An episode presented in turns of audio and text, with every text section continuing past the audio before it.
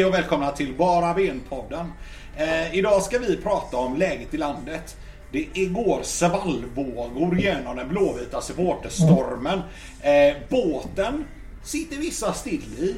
Andra tycker att båten har kantrat och tagit in ganska mycket vatten. Är det livvästar på och dra? Eller är det chilla, vi blir räddade eller eh, det mojnar? Vi gör en snabb eh, genomgång. Eh, Sitter du still i båten, Daniel Andrén? Sitter jag still i båten? Jag... Nej, jag eh, börjar nog eh, spänna åt livvästen, det tror jag. Alltså? Ja. Okej. Antonio? Jag sitter med affärsplanen i båten och försöker forcera ut det vatten som kommer in här nu. Jag hoppas det blir tömt här nu. Men just nu kommer det in mycket vatten. Jag är orolig. Är det en affärsplan gjord i form av en hink eller? Ja, det är därför det tar att gå väldigt långsamt att få ut det här vattnet. Christian, vad säger du? Nej, men jag är väl lite eh, åt eh, Daniels eh, håll. Att jag sneglar åt vart livvästarna finns och kollar upp hur nödutgångarna, vart de är någonstans och så. Det, jag har inte övergett båten helt och hållet, men Stor det känns båt. ju inte bra. Stor båt ni sitter i. Jag tänkte en liten jolle där jag flög runt. Nej, nej, alltså vi pratar, här pratar vi Costa Concordia som den här italienaren som körde på grund och sen bara tänkte att fuck this shit så han drog, han lämnade kvinnor och barn kvar på fartyget medan han själv drog i land och gick på strippklubb. Ehm, Pratar du om dig själv nu eller? Nej, han vet den italienare då som, som var kapten för Costa Concordia. Han, jag tror att han dömdes för det här också. Jag är inte helt hundra Jo, på det. jo, det han. Ja, men det kan vara så. Italien kan det ju bara sett som en eh, vardag liksom. Ja, men en, en tisdag. ja, men då fattar jag. Jag sitter där med en jävla affärsplan. Försöker ut vatten. Det var lite trubbel där. Det tar ett jävla tag. Fan. Nej, och det jävligaste är att går man in på Google Earth View så ser man fortfarande Costa Concordia ligga där eh, kapsejsad. Nu har det blivit ett, eh, något av ett eh, turistmål att åka till den här platsen i Italien och titta på det här vraket som ligger kvar för att det är dyrare att bärga det för italienarna än att bara låta det ligga där. Så de tömmer ut det på olja och annat har jag för mig. Eh, frågan, min nästa fråga här blir kan Blåvitt bli ett turistmål på det här sättet? En freakshow som man kommer att titta på för att helt enkelt eh, skåda spektaklet som pågår där vi alltid spelar kryss. Antonio? Det har faktiskt hänt. Alltså, har det hänt? Ja, det var i början av 2000-talet när det började gå åt fanders. Då var faktiskt Rosenborg här en gång för att studera hur man går från storklubb till kris. Det är sant, var med i tidningen där. Eh, och då, det, ja, det, det är helt sjukt. Så redan då var vi ett spektakel. Eh, det här fallet, alltså om det går åt fanders, så blir vi nog ett spektakel utifrån att vi släppte våra rötter och ville testa någonting nytt. Men vi fick, de nya rötterna fick aldrig fäste. Christian, vad säger du? Nej, men... Eh, alltså, du menar att vi skulle bli ett spektakel nere i Superettan eller redan Nej, den här nej inte nödvändigtvis. Man, kan säga, man skulle ju kunna till exempel hävda att AIK just nu är ett spektakel utan dess like. Där de går från att ett par år sedan vinna Allsvenskan till att plötsligt eh, spela någon slags absurd fotboll som ingen, alltså alla förstod att de inte skulle klara av och därmed bli föreningen på allas läppar. Och där egentligen, jag tror att alla lite så hoppades på att det här skulle gå åt helvete också för att de, AIK är ju en slagpåse vi gärna siktar några smällar mot. Då blir det ju lite av en freakshow. Var det man-man de spelade eller? Det var det ja. Men AIK är för mig, det är ett spektakel för att alltså, om man tittar på det de gjorde när de vann sitt SM-guld.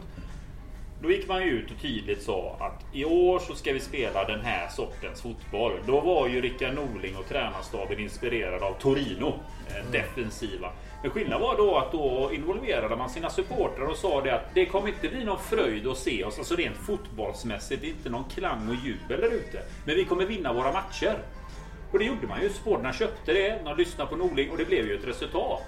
Nu skulle man skotta över till det här man-man. Det skulle bli roligt att se fotboll. Men man pratade aldrig egentligen om var ska vi landa någonstans i placering. Det var ju tyst om det. Det var inte någon som pratade om vi går för Europa eller detta. Det fanns ingen tydlighet. Och det tålamodet det finns inte Just det. Alltså det som jag är som mest förvånad över det är att det är ju Norling som får bära hundhuvudet. Det är han som får gå. Men Westström och deras nya sportchef. Det är liksom... Jag har inte sett det pratas någonting om dem. Det är bara tydligt att de ska få vara kvar och att de har styrelsens förtroende och sådär. Men vad fasen, det här borde ju vara deras plan. Westerholm blev befordrad till VD. Så jag menar, hallå. Daniel? Men jag såg faktiskt han eh, Martin Wiklin eh, P1-journalisten som också är AIK-are eh, skrev en tweet om att borde inte alla gå? Ehm, Klassisk alltså- AIK. Ja, alltså borde, för att det är ju hel, det är alla tres plan. Eh, borde då inte liksom alla få lämna? Men är inte det naturligt att inte alla får lämna för att det är ganska svårt att göra rent hus. Det går Jo. inte bara hitta en bra sportchef och klubbdirektör och VD som det är i vissa lag och tränare i ett svep. Man väljer ut en syndabock. När det går dåligt så väljer man ut en Ja. syndabock. Ja, Mats Gren Mats i Gren Blåvitt till kan ju ta alla roller i AIK. Det skulle han ta. Det- Han är nog laddad på LinkedIn där. Ja, men jag, och jag tror, vi pitcha. och jag tror, men det var väl ett teoretiskt resonemang för det förstår ju han också att man inte bara kan skicka ut hela den sportsliga ledningen. Men eh, någonstans, alltså det ligger väl någonting i det att alla tre sjösatte ju den här planen. Han Gidfalk heter han va? Kanske är väl den som eh, kommer undan med minst liksom eh, skit utifrån den här situationen eftersom att han ju kom in lite senare. Men Men för att göra parallellen till IFK Göteborg då, Ja. man tittar på AIK. Eh, För vi har ju just nu en situation i Blåvitt där, som jag inledde med här lite, det vacklar. Vissa tycker att eh, vi öser då med affärsplaner och annat eh, vatten ur den sjunkande båten. Andra står i båten, trygga och stilla, tycker att eh, det snarare är så att stormen mojnar, vi seglar mot solnedgången. Liksom. Det blir en sån Lucky Luke situationen på hästen där i slutet. Eh, är det inte ändå så att tränaren är den som har det yttersta ansvaret för prestation och resultat som fotbollslaget gör? Ja, det finns en sportchef eller en klubbdirektör eller liknande som anställer tränaren och den som liksom har helhetsansvaret. Max Markusson då i, i Göteborgs fall, eh, som är klubbdirektör. Sportsligt helhetsansvar. Han har andra delar av organisationen också, men Poya Asbaghi är väl ändå den som är ansvarig för fotbollen. Vad som presteras i Allsvenskan. Är det inte han vi ska ställa till svars när det går dåligt eller sämre för IFK Göteborg? Jo men det håller jag med om. Jag, jag tycker man kan dra den parallellen till AIK också där. Men det är klart att det är Norling som är ytterst ansvarig. För det är han som tränar laget, det är han som sätter upp taktiken och så vidare. Och det är Poja som tränar laget och sätter upp taktiken och kryssar match efter match efter match. Och Andreas Alm var ju ganska intressant att läsa om i GP häromdagen när han faktiskt sa att jag ifrågasätter inte sportchefen. Jag får en trupp och den truppen förväntas jag göra det bästa jag kan med. Det är inte mitt jobb att värva spelare. Det är inte mitt jobb att ifrågasätta vilka spelare jag har. Jag får ett antal spelare så kör vi. Men är inte det där lite en klassisk alm att flytta fokus från sig själv och flytta ansvar från sig själv? Han kör ju jättemycket mediaspel Alm. Alltså den truppen som han får inom citattecken utav Sonny Karlsson. Den har han ju varit med och bett om olika spelare och, och sagt nej till andra spelare.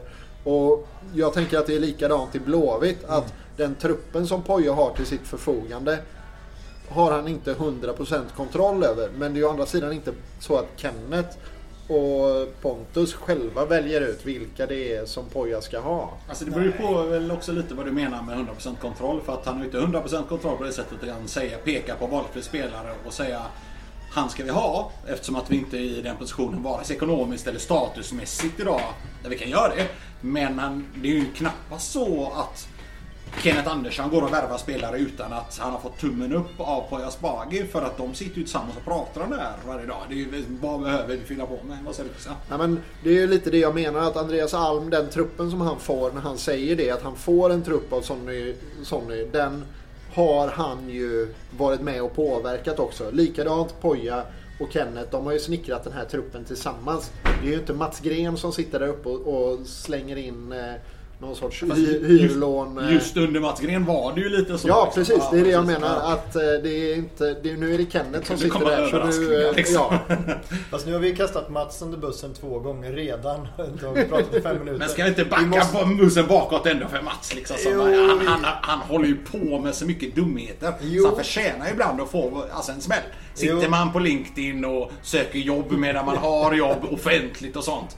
Det var ju en gammal vän till honom. Ja, det, det, jag menar, då får man ju på något sätt räkna med att få kritik. Han är så Alltså, stökig. han är ju väldigt stökig den. eh, Jo, Men det, det jag Numera ville- tränaren som faktiskt leder damallsvenskan. Så är det. Champions League nästa år. Ja. Kanske. Ja, Juventus in efter det. Ja, det blir svårt inte för hittar- IFK Göteborg dam att etablera sig med de här Champions League-vinnarna som sitter ute i Landvetter vill jag säga hela tiden. Mats, Gren lånar in alla våra spelare. Köpoption hela Ja, bra. förlåt Daniel, vad, vad, vad sa du? Nej men eh, Mats kanske hittar något bättre jobb i Abu Dhabi innan Ja. Champions League i och för sig. Nej men, Eller Solna. ja exakt. Nej men han, han har ju gjort några fina värvningar måste man ju ge honom som, alltså om vi tänker Hasse och, och sådär. Så att han, Men då kommer ju de som kritiserar din sätt, ditt sätt att se på det säga ja, fast då när han gjorde det så hade IFK Göteborg dels en ambition att slåss om SM-guld och dels eh, en plånbok att göra det för att vi då enligt de kritikerna jobbade på ett an- oansvarigt sätt och äventyrade ekonomin hela tiden för att slåss om guldet. Ja, fast det, nu tänker inte jag på Sören Rex, Ankersen, Albeck, Nej. Rogne och alla de här. För att är ju, tänker du på då? Nej, men jag tänker på Hasse eh, och att han kanske skrev kontrakt med vissa yngre spelare. Erlingmark. Eh, misstänker att han måste ha skrivit kontrakt med Holm också. Pontus Dahlqvist. Pontus Dahlqvist. Mm. Men, men, alltså, men där gjorde han ju... Ja, precis. Jag Dahlberg. gjorde samma sak i podden här om veckan. att. Men det som Matt, Mats stora fel var ju att han, när han värvade Mads Albeck till och, och, och ta sig vidare till Europa League. Det var ju att han inte försökte sälja någon den säsongen när det gick åt fanders. Utan han, man behöll eh, hela den lönelistan. Och så gick ganska, ja men Ankersen gick billigt. Rex gick som bossman. Rogne gick som bossman. Bjärsmyr gick nästan som bossman. Det var ju dåligt av Gren. Alltså det är klart att han gjorde många fel men han gjorde också några Tony, rätt. vad säger du om allt detta? Det, mycket, alltså, mycket om det kommer till det här med Poja och hela debatten som jag tycker eh, man hör på Twitter. Det, det är återigen, och det stör jag mig på, för det tog jag upp i samband när vi mötte Hammarby i kuppen. Och det är att det är så jävla synd om oss hela tiden. Det gnälls igen att vi inte har några pengar. Det gnälls igen om att Kenneth är ingen bra sportchef, ingen ger förutsättningar och det är så himla rörigt. Jag tittar tillbaks här från 2015 om man kollar verksamhetsberättelserna. Då hade vi personalkostnader på 71 miljoner. 2015 när vi kom DOS andra plats i Tvåa. ligan. Och, 71 miljoner och, och, år, och förra året hade vi 69 miljoner. Det är 2 miljoner skillnad. Det är en anställd i princip. Ja, men lite Ja, så. på Eh, men, ja. Vad som har hänt dock är ju att vissa andra klubbar som typ Malmö FF gick från 2015 från 135 miljoner till 180 miljoner personalkostnader och Hammarby ökat. Men vi har resurser och vi har faktiskt en väldigt dyr organisation. Nu är det också personal och kamratkår och liknande. Men det där faller väl inte på Poya Asbaghi utan det faller på Mats Markusson. Eh, som är den högsta chefen i den, den organisation vi har totalt sett. Att ha en organisation som ja, presterar utifrån vad man betalar för den. Exakt, och jag tycker det att, jag menar det läggs ju pengar i klubben och jag ifrågasätter vad det läggs på. Är det som så, hur mycket läggs på det sportsliga, hur mycket läggs på organisation? För jag menar med all respekt, du kan rekrytera in ett struktureringsgeni som så väl, men om inte sporten fungerar så kommer inte pengarna in. Sen kanske det är som så, det sker fantastiska saker i organisationen, man anställer folk som är diverse experter. Men vad ger det för pengar då? Alltså vad- hur genererar det pengar tillbaka? Exakt, vad får vi för kickback? Vad ser vi idag för skillnad utifrån den organisation som finns idag kontra ett par år tillbaka? Ja, Christian, vad säger du? Femårsplan var det vi pratade om va? Ja. Kickbacken ska väl inte synas nu säger de. Nej. Men grejen är det också då, om man har fem, femårsplan. ehm, innebär det då att man har fem år av träskgång? Och sen har man någon magisk kickback år fem? Eller är det en stegrande ambition och resultat? Som år två, år tre, år fyra, år fem leder till det högsta målet som då är förmodligen SM-guld eh, om två och ett halvt år och så vidare. Nästa år ska vi slåss om Europaplats. Det är faktiskt så. I år ska vi bli topp 6 Topp enligt sex. eh, deras egen plan. Och vi vänder på det. Jag, säger, jag är helt med på det att den outputen eh, i affärsplanen det ska generera de åren. Men då är ju frågan, har man slängt in för mycket, för mycket pengar i ett visst rör och för lite i det sportsliga? För jag ser inte. Visst, man kan titta på tabellen. Vi har bara fyra poäng upp till eh, sjätteplatsen. Men som det ser ut och som det suckas på plan och hur mycket ledsna ögon det är i presskonferenser så har jag jättesvårt att se hur vi ska landa en Här har ju ni två varit inne på något. Eh, Christian var inne på det här med Alm och vad han säger. Nu är du inne på presskonferens Antonio. Vi hade ju eh, en match igår. Vi spelar in detta på måndagen inför cupfinalen. Ehm, och i den matchen så hade vi ju dels ett mållöst resultat. Eh, men framförallt så hade vi en presskonferens efteråt där eh, en hel del intressanta saker sades. Eh, Andreas Alm, som jag upplever det, för nu har du i efterhand fått se, titta på det här klippet. Eh, lite grann hånar Blåvitt för eh, att det borde vara de som är de som har ambitionerna och resultaten och så vidare i den här stan. Dels har vi publiken och dels är vi historien och storlag. Men det som jag ifrågasätter lite är då, så jag skrev också på Twitter om detta häromdagen eh, innan jag hade fått se klippet. Är hur Poya Asbaghi reagerar på det. Och han eh, reagerar ganska mycket taggarna utåt. Han eh, säger liksom att ja, men det är ju lätt för dem att stå där och sätta pressen på oss och så vidare och de med andra förutsättningar än oss och hit och dit. Så här, istället för att liksom ha mer attityden vi är ett storlag. Vi är IFK Göteborg. Vi tar inte skit från Häcken. Vi bryr oss inte om Häcken alls. Personen på Asbaghi kan ju inte låta personen Andreas Alm påverka honom till den milda grad att varumärket IFK Göteborg blir ifrågasatt. Christian? Ja, men, alltså, jag tycker också att Poja tar det helt fel. Alltså, han ska ju bara erkänna att ja, men Andreas Alm är en eh, duktig och kompetent och bra tränare och bara slicka i sig allt berömmet. Mm. Och sen så var det det med det liksom. Alltså inte låta, som jag sa innan, Andreas Alm han älskar det här mediala psykospelet. Han är duktig på det och det är tydligt att han kommer åt Poja här. Men är inte det här lite resultat också av att Asbaghi på något sätt har blivit känd för att hålla på med psykningar mot andra lag? Det handlar om att ta ut lag, eh, spelare som är skadade i trupper. Det handlar om att uttala sig inför matcher. Då måste man ju vara beredd att ta emot smälla tillbaka. Men att han inte är det. Ja, men såklart, men samtidigt med handen på hjärtat. Har de här psykningarna, det är en gång är det som jag i alla fall tycker att de riktigt har gått hem och det är ju Malmö har 500 miljoner på banken och ändå så är det bara inlägg.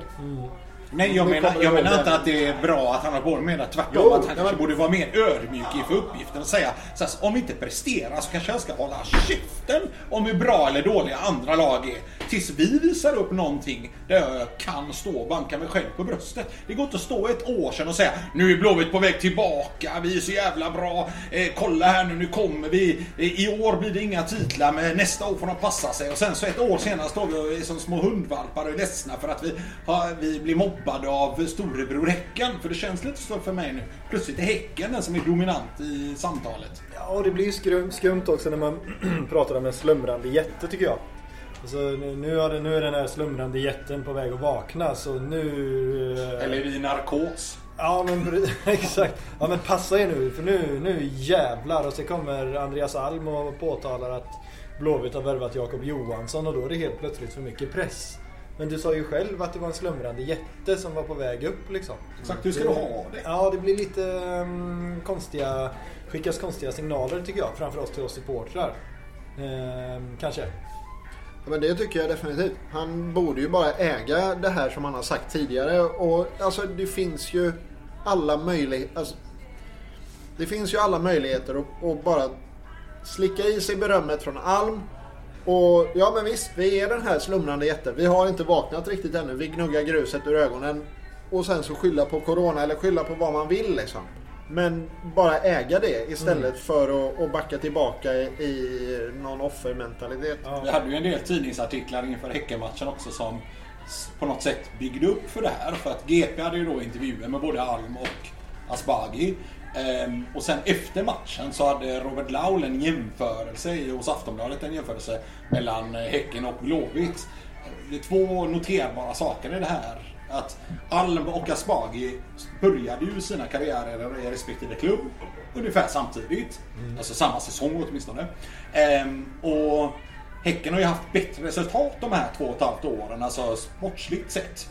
Hur man än räknar på det. Man kan räkna på processer och passningsspel och possession och så vidare bäst man vill. Men det är ju nästan 30 poäng som skiljer oss åt. Tio Alltså, segrar. Under, ja, under två och ett halvt år så är Häcken 30 poäng bättre i Allsvenskan än Blåvitt. Inte riktigt 30, men nära. Och då undrar jag, vad ska man säga om det här? Alltså vad är vi på väg egentligen? Visst, vi har femårsplan hit och dit. Ja, men det är ju Kinas kommunistparti också. Eh, innebär inte att det är där jag vill leva. Nej. Som Hongkongbo. Ja, nu är jag där igen. Ja, men jag, jag, kanske, jag hade nog velat eh, se någonting lite mer i år än det vi har fått se. Just det här, men det har vi ju pratat om till leda tycker jag, de här sidledspassningarna. Och att det faktiskt... Jag tycker att vi är tillbaka 2018. Där vi har de här farliga bolltappen väldigt, väldigt ofta. De hade vi inte 2019 på samma sätt. Så det känns som att processen gick jättemycket framåt där våren 19. Och nu har den sakta, sakta, sakta gått tillbaka till någonting som inte var vårt signum 2019. Och då blir jag lite fundersam kring vart är vi på väg någonstans? Men 2019, den våren när vi var bra, då spel... Det som vi gjorde bra då, det är ju inte en del av processen. Nej. Eller det är väl inte dit den här processen är tänkt att vara på väg. Vi råkade bara ha spelare som var bra på att spela det spelet. Mm. Eller är jag snett på det? Alltså, ja, det, går, det är svårt att säga. Fråga Ferran vill jag säga lite. För att, så här, vad är processen? Vad är processen? Och varför, nej, Antonio, berätta för mig. Var är, eller vart är vi på väg som man säger i, eh, På spåret? För mig så vart är vi på väg mot en possession-fotboll. Där vi ska äga boll. Men vi har ju den. Vi äger ju bara massa boll mot Häcken. Vi utklassar dem i bollinnehav. Ja. Ja, Men inte i avslut eller skott på mål eller... Nej, meningen är att vi ska äga boll och kunna ha boll så att vi skapar lägen hela vägen. Vi, vi ska liksom inte låta våra motståndare äga bollen eller ens få möjlighet att kunna ta bollen ifrån oss. Ja, i grund och botten, släng på Simor och se på Barcelona. Det är Ja. typ den i dribblen att ingen ska kunna ta bollen ifrån oss. Vi ska kunna trippa runt, trippa runt, trippa runt och sen blir det ett avslut. Ja. Men alltså för mig, och det har jag sagt sedan dag ett då man ville börja med detta. Och det var det här att varför vill ett svenskt lag börja med possession-fotboll? Jag ställer bara den frågan. Det är vackert att se på. Men det här är någonting som inte har varit svensk fotbolls stora styrka. Utan vår styrka har legat på defensivt arbete, fysik och kontringar. Alltså vi har anpassat oss efter motståndet. Vi är inte lika tekniskt lagda.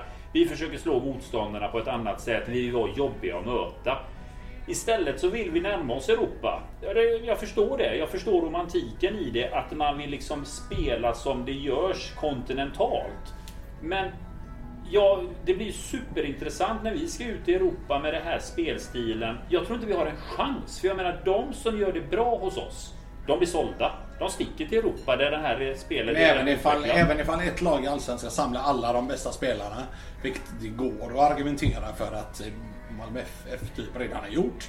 Eh, ja, hur står de sig i Europa? Ja, de är inte i närheten. Det... Det beror på vad man tycker är bra för sig. Ja, att kvalificera sig till gruppspel i När du börjar, när du börjar avancera vidare, liksom, gå vidare från gruppspel och liknande, Ja. då möter du giganterna. Men nej, då, då då, då, då kan ju inte Malmö FF spela en Nej. possession. Christian, vad säger du? Nej, men om man ska dyka in som någon sorts naiv idealist här. Alltså nu, den tiden som vi pratar om så tränade man på vintern. Om man tränade på vintern fotboll överhuvudtaget så tränade man på grusplaner med tjäle. Nu har vi inomhusplaner med 20 grader och konstgräs. De här unga lirarna som växer upp på det här sättet och får lira boll precis hela tiden. Ska inte de få chansen och, och eh, ska vi inte vaska fram några tiki-taka-talanger där? Men eftersom du Ska säger... allting vara knacka långt och... Ja, men, efter, men det här är eftersom du säger vaska fram så kan man ju ta Andres Vasquez som vaskade mycket boll som exempel. Han blev skitförbannad på mig eh, många år efter sin eh, mest framgångsrika aktiva karriär. För att under de åren som han spelade i IFK Göteborg så lärde jag känna den där grabben lite grann. För jag var där och var med mycket träningar och intervjuade honom och så vidare. Eh, och så när jag hade tänkt till eh, efter många om och men så blev han jätteförbannad. Så skrev han till mig på Facebook Messenger och sa Fan, du är en del av problemet Hankins. Och jag bara, vad menar du? Så sa han att, ah, nej men alltså, jag googlar lite på mig själv och sånt. Ah, vilken chock att Andres skulle göra det. Jag tänkte han och hans farsa gör det på 80% av sin vakna tid. Men ja, i alla fall. Så sa han att, nej men du är lite en del av problemet för att du eh, eh, har skrivit en krönika som säger att det var inte rasistiskt av IFK Göteborg att inte satsa på spelare som mig.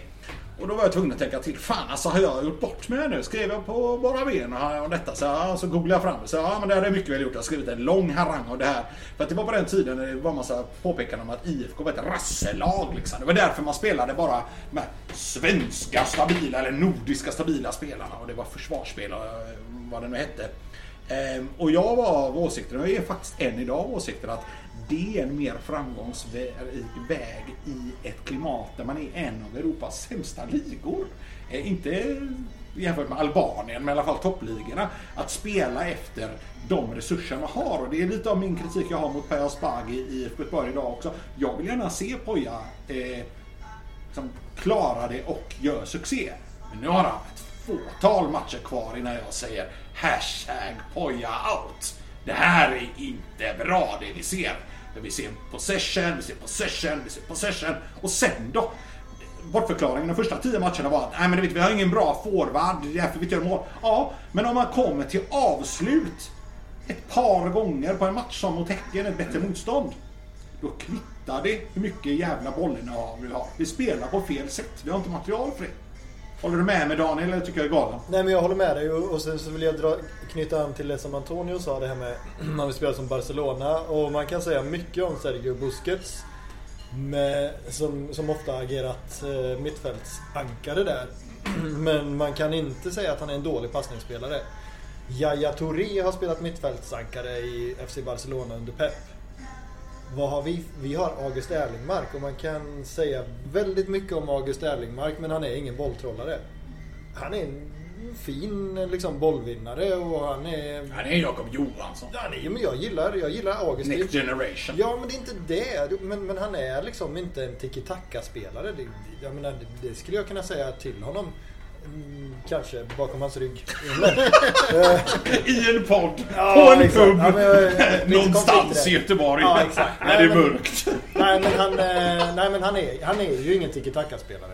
Han är en jättefin eh, allsvensk fotbollsspelare. Det är inte det. Du är fan poddens humorist, vet du det? Försöker. förlåt. nej, men, eh, nej, men så, så det är väl det. Jag tycker att det är lite naivt att spela den typen av spel ibland. Släpp ordet till Tony. Han ser ut att ha något att säga. Jo, alltså, och det gör mig förbannad. Alltså, grejen är, det är ju alltid den här debatten i sociala medier. Att direkt om man säger någonting illa om den fotbollen som spelas idag. Då blir det ju direkt, jaha, du vill väl ha Peter Svärd och skjuta luftwaffe upp till månen? Och så ska den Ja, bollen Christian landa ner körde ju den här nyss. Han, han, Ja, jag blev lite tokig på honom. Jag gillar ändå. Och den ska sticka upp och så ska den landa på någon 2,3 meter lång bjässe. Men nej, våra spelare är 1,63. Alltså fotboll kan man spela på så många olika sätt. Du kan spela possession, men du kan ta med fan dra en lång boll och du kan dra den i djupled. Herregud. Jo men Alltså, grejen är väl också att så länge man vinner så jag kan gärna ha Karsten Janke på topp och spela Absolut. från Fan, egen... ja, från, från en egen mållinje på honom. Om vi vinner matchen. Det Känns det som lite är- som poäng till mig nu när ni Nej men det är så här, här på... Jo men det är så här, eh, det, vinner man matcher så är ju det system man har rätt system. Ja. Förlorar man Ja. matcher så har man fel system. Ja. Och så envisas man in i absurdum med det felaktiga systemet som man förlorar på eller som man bara kryssar på.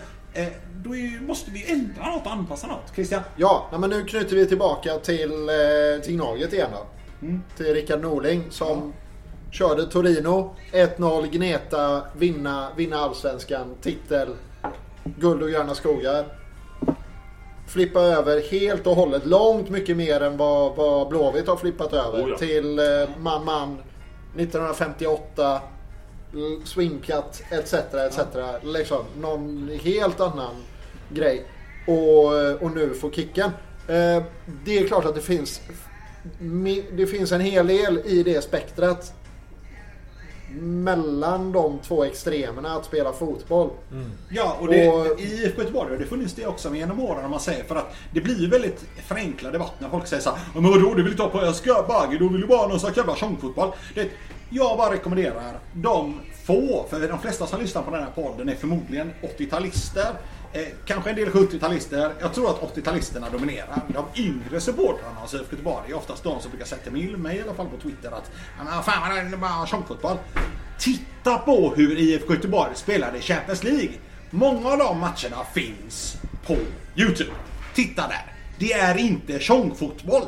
Ja, i fasta situationer och sista fem minuterna och sånt finns sådana tendenser. IFK Göteborg har spelat ett väldigt varierat spel. Stressat sönder motståndare i Europa. Sönder, ursäkta uttrycket, knullat Oj. uttrycket i Väldans. eh, uttrycket motståndet i Sverige. Med alla möjliga spelsystem. Under Roger Gustafsson, under, under Mats Jingblad, under fan med fan och hans moster så vi varierat oss en hel del. Tränare har fått sparken för att de har ändrat på C-spelsystem. Tränare har fått sparken för att de har frångått det ena och det andra. Vi har inte bara det gamla Göteborg och det nya Göteborg. Ja, för nu är det som Stockholm, man kallar Blåvitt för Göteborg. Men det är fan med hela stan också. Jag blir så jävla trött på den här argumentationen om att det bara är tjongfotboll eller Poya Asbaghi. Men om det- det vore så jävla enkelt så hade väl fan antingen eller av de två vunnit SM-guld. Men det finns ju inget motsatsförhållande så att säga i, i det här. Det, det, det, ja, blir så konstigt för att om, om jag tittar tillbaka på hur Mikael Stare spelade till exempel. Ja, det var snabbt som satan. Men det var ju inte så att Bjärsmyr bara stod och lyfte långa bollar hela tiden. Så spelade inte Blåvitt. Man kommer liksom inte tvåa i Allsvenskan på att Bjärsmyr står och lyfter långt. Det, det gör man inte. Och sen blir det så, det, det, det finns någon sån här fånig romantik om att ja, men det ska rullas och det ska rullas och det ska vara, vara fint och allt annat är inte bra. Men jag menar, om man tittar på, på den fotboll som Stare spelade, eller Lennartsson också för den delen och många andra tränare. Så är det ett snabbt omställningsspel och den bollen är ju kanske längre men det är en omställning.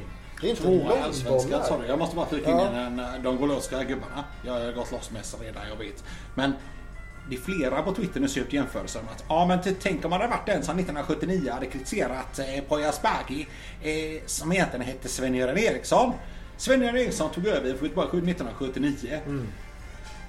Ett par år där hade han på sig. 79, 80, 81. Sen blev det stora succéåret 82 med SM-guld och Uefa-cupguld. Under de tre första åren blir vi som sämst trea i Allsvenskan. Ja. Trea! Vi blir tvåa, trea, trea under de åren. Det är vad vi jämför oss med. Det är alltså en total succé varje år. Inte det som pågår nu. Antonio var faktiskt först, sen Christian. Mats Gren sa ju det 2017. Att nu ska vi göra en förändring. Vi ska bli mer offensiva. Det var ju han som var ihop med rådet där. Nu ville man ju förändra. Vi ska, vi ska spela mycket mer offensiv fotboll. Det året slutade vi på tionde plats och vi gjorde 42 mål. Eh, 2018, eh, det nya då, det var tuff start. Plats 11, då gjorde vi 38 mål. Förra året slutade vi sjua, då gjorde vi 46 mål. Hittills har vi gjort 13 mål i år på 11 spelade matcher är det va? Det är på 11 ja. Eh, när man tar den här 46 mål så är det... Ja, alltså när vi har kommit 4, 2, 3. Det är typ när vi varit på 2010, 2011 och gjorde 42 mål. Det är på den nivån vi är på 46 mål. Så det här offensiva, det har inte Vi, vi, utvecklats. vi är just nu på nivån för 2020 eh, f- ungefär samma som lite, sen, lite bättre än eh, 2018. Ja, men alltså just nu så är vi på 2012 års nivå med 36 mål. Om man ska titta på det. Så det offensiva ser jag inte har utvecklats Problemet är som... väl också att i år är det väldigt många andra lag som, eftersom att det är mer alla slår alla-liga. Alla slår alla ja. Ja men lite så är det ju och det är väl det som gör mig bekymrad att jag ser inte den här offensiva utvecklingen i målproduktionen som man bestämde 2017 att det skulle bli av. Jag ser inte det. Vi har inte fått igång vårt målskytte Vad säger du överhuvudtaget. Christian? Nej, men det, det är klart att vi inte har fått igång vårt målskytte. Det ser ju vem som helst. Eh, det som folk väl kanske kommer hålla emot oss här nu då. Det är att, eh, men alla chanser då. Vi skapar ju mängder av chanser. Eh, men det spelar ju absolut ingen roll om vi inte sätter dit dem.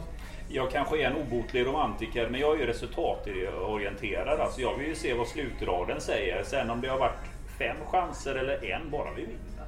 Ja, men tänk om han hade varit eh, styrelseledamot i, eh, säg, eh, Bayern München, Manchester United eller liknande klubb som vi en gång i tiden faktiskt höll jämna steg med. Och så hade man sagt att nej men vi borde inte ta och göra en förändring för att vi skapar ju ändå chanser. Man Nej. blir utskrattad ju.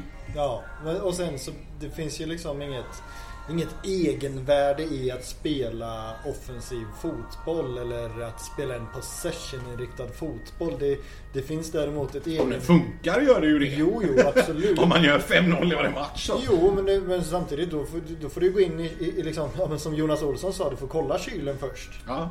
Och om du vill göra en pasta bolognese Och inte Åh, liksom... bolognese. Ja, det- det var lite såhär italiano. Ja men om du vill göra en köttfärslimpa då Eriksson. måste du ju ha färsen. Ja, Ja. ring Sebastian Eriksson och ta in honom. Ja. Inte bara för bolognesen skulle Nej exakt, men för kvaliteten om inte annat. Ja. Nej, men, nej men om du då ska göra en köttfärslimpa då får du ju ha lite färs hemma.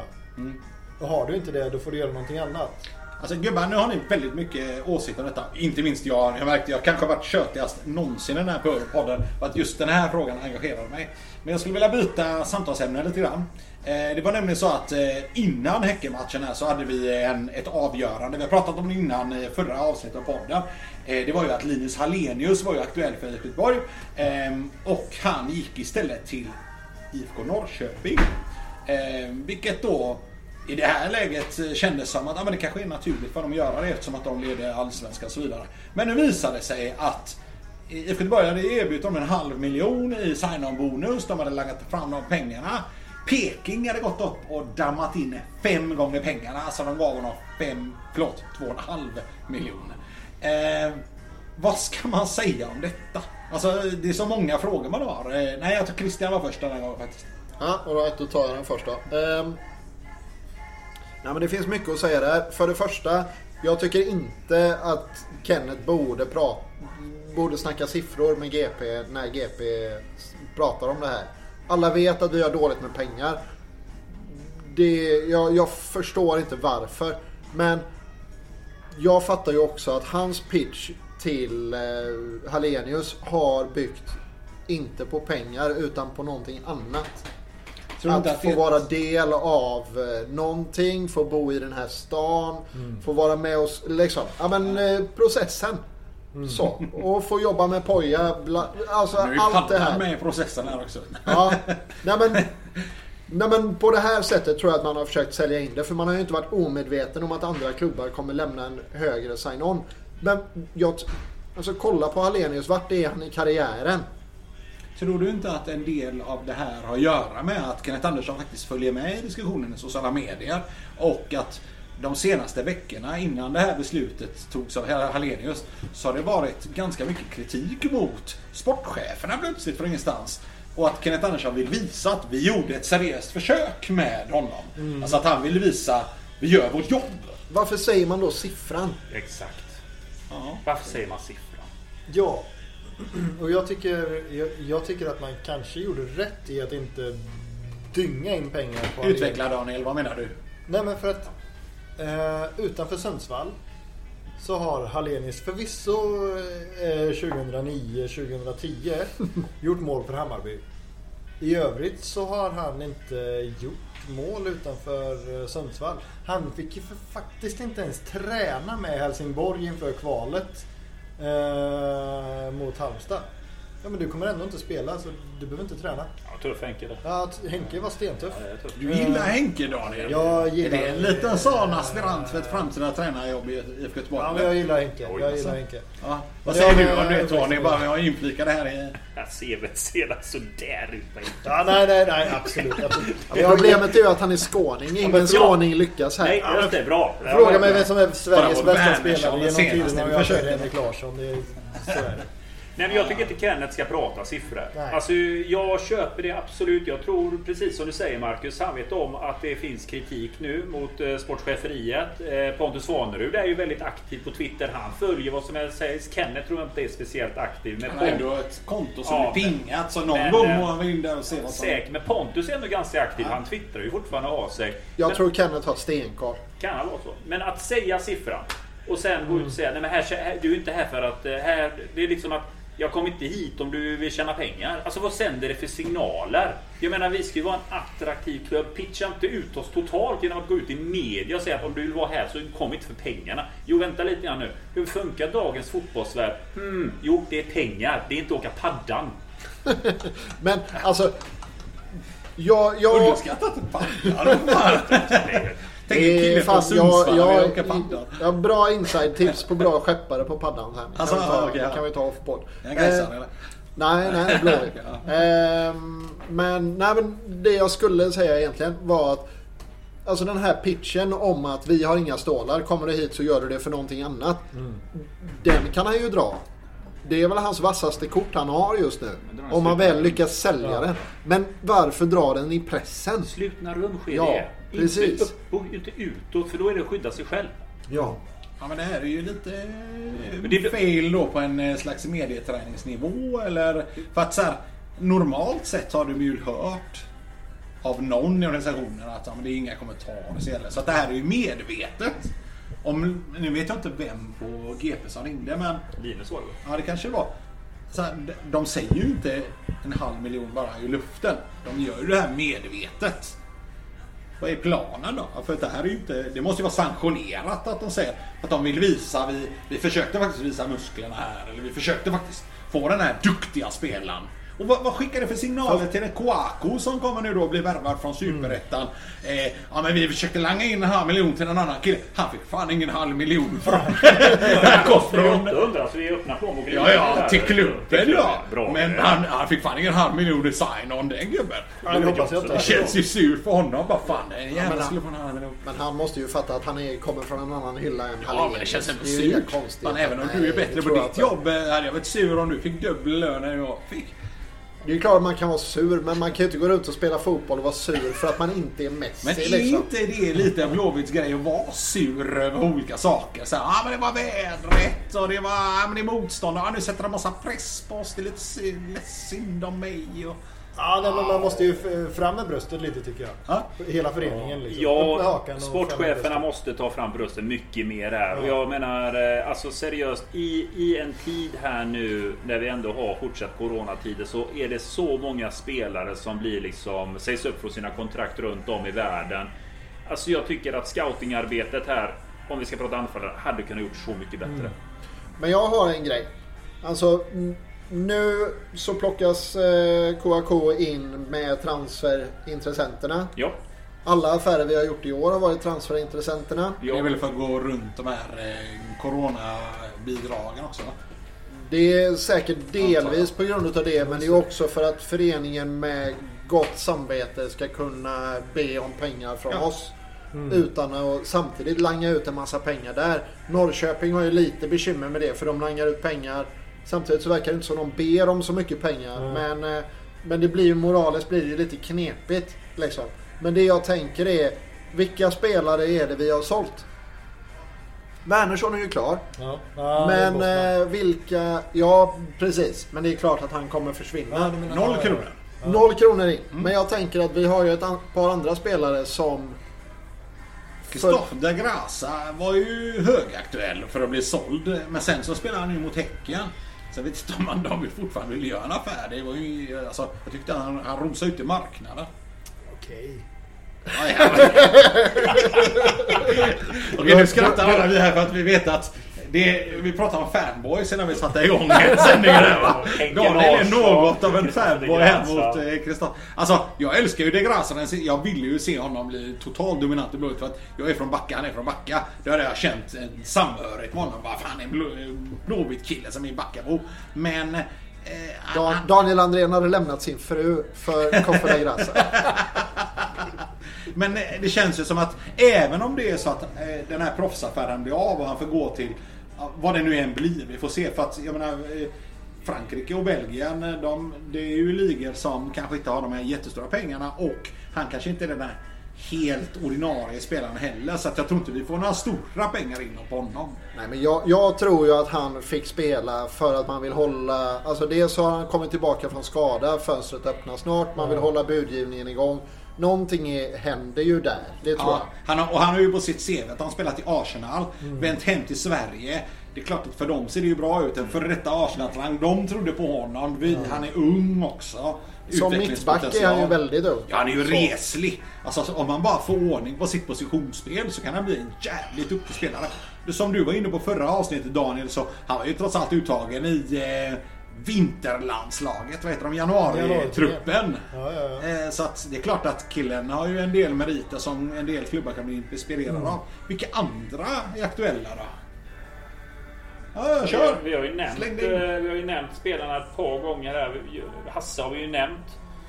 Georgia har ju jag själv vurmat mycket för. Men jag är lite orolig här, för att jag tycker inte att det är någon spelare som sticker ut i år som är liksom att oh, klubbarna där ute tänder till något Är enormt. inte det ett problem av att hela laget på något Jo, sätt jo, under, underpresterar? Men det, det sänker ju bara värdet på den här försäljningen. Ja, Det visar ju bara att han inte är redo att ta ansvar när det... När det Georgie eller Hasse? Eller Ja? Georgie tänker jag Ja. främst på då.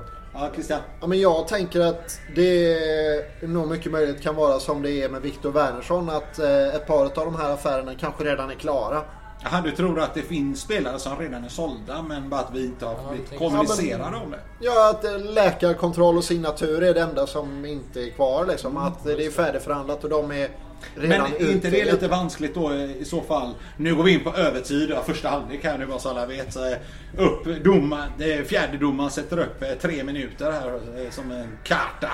Eh, ja, nu viftas det av tre låtsasskyltar i luften här. Skandaler som har avblivit. Men är inte det lite vanskligt då om det är så att man har sålt, säg att man har sålt en eh, Georgie till eh, Bournemouth.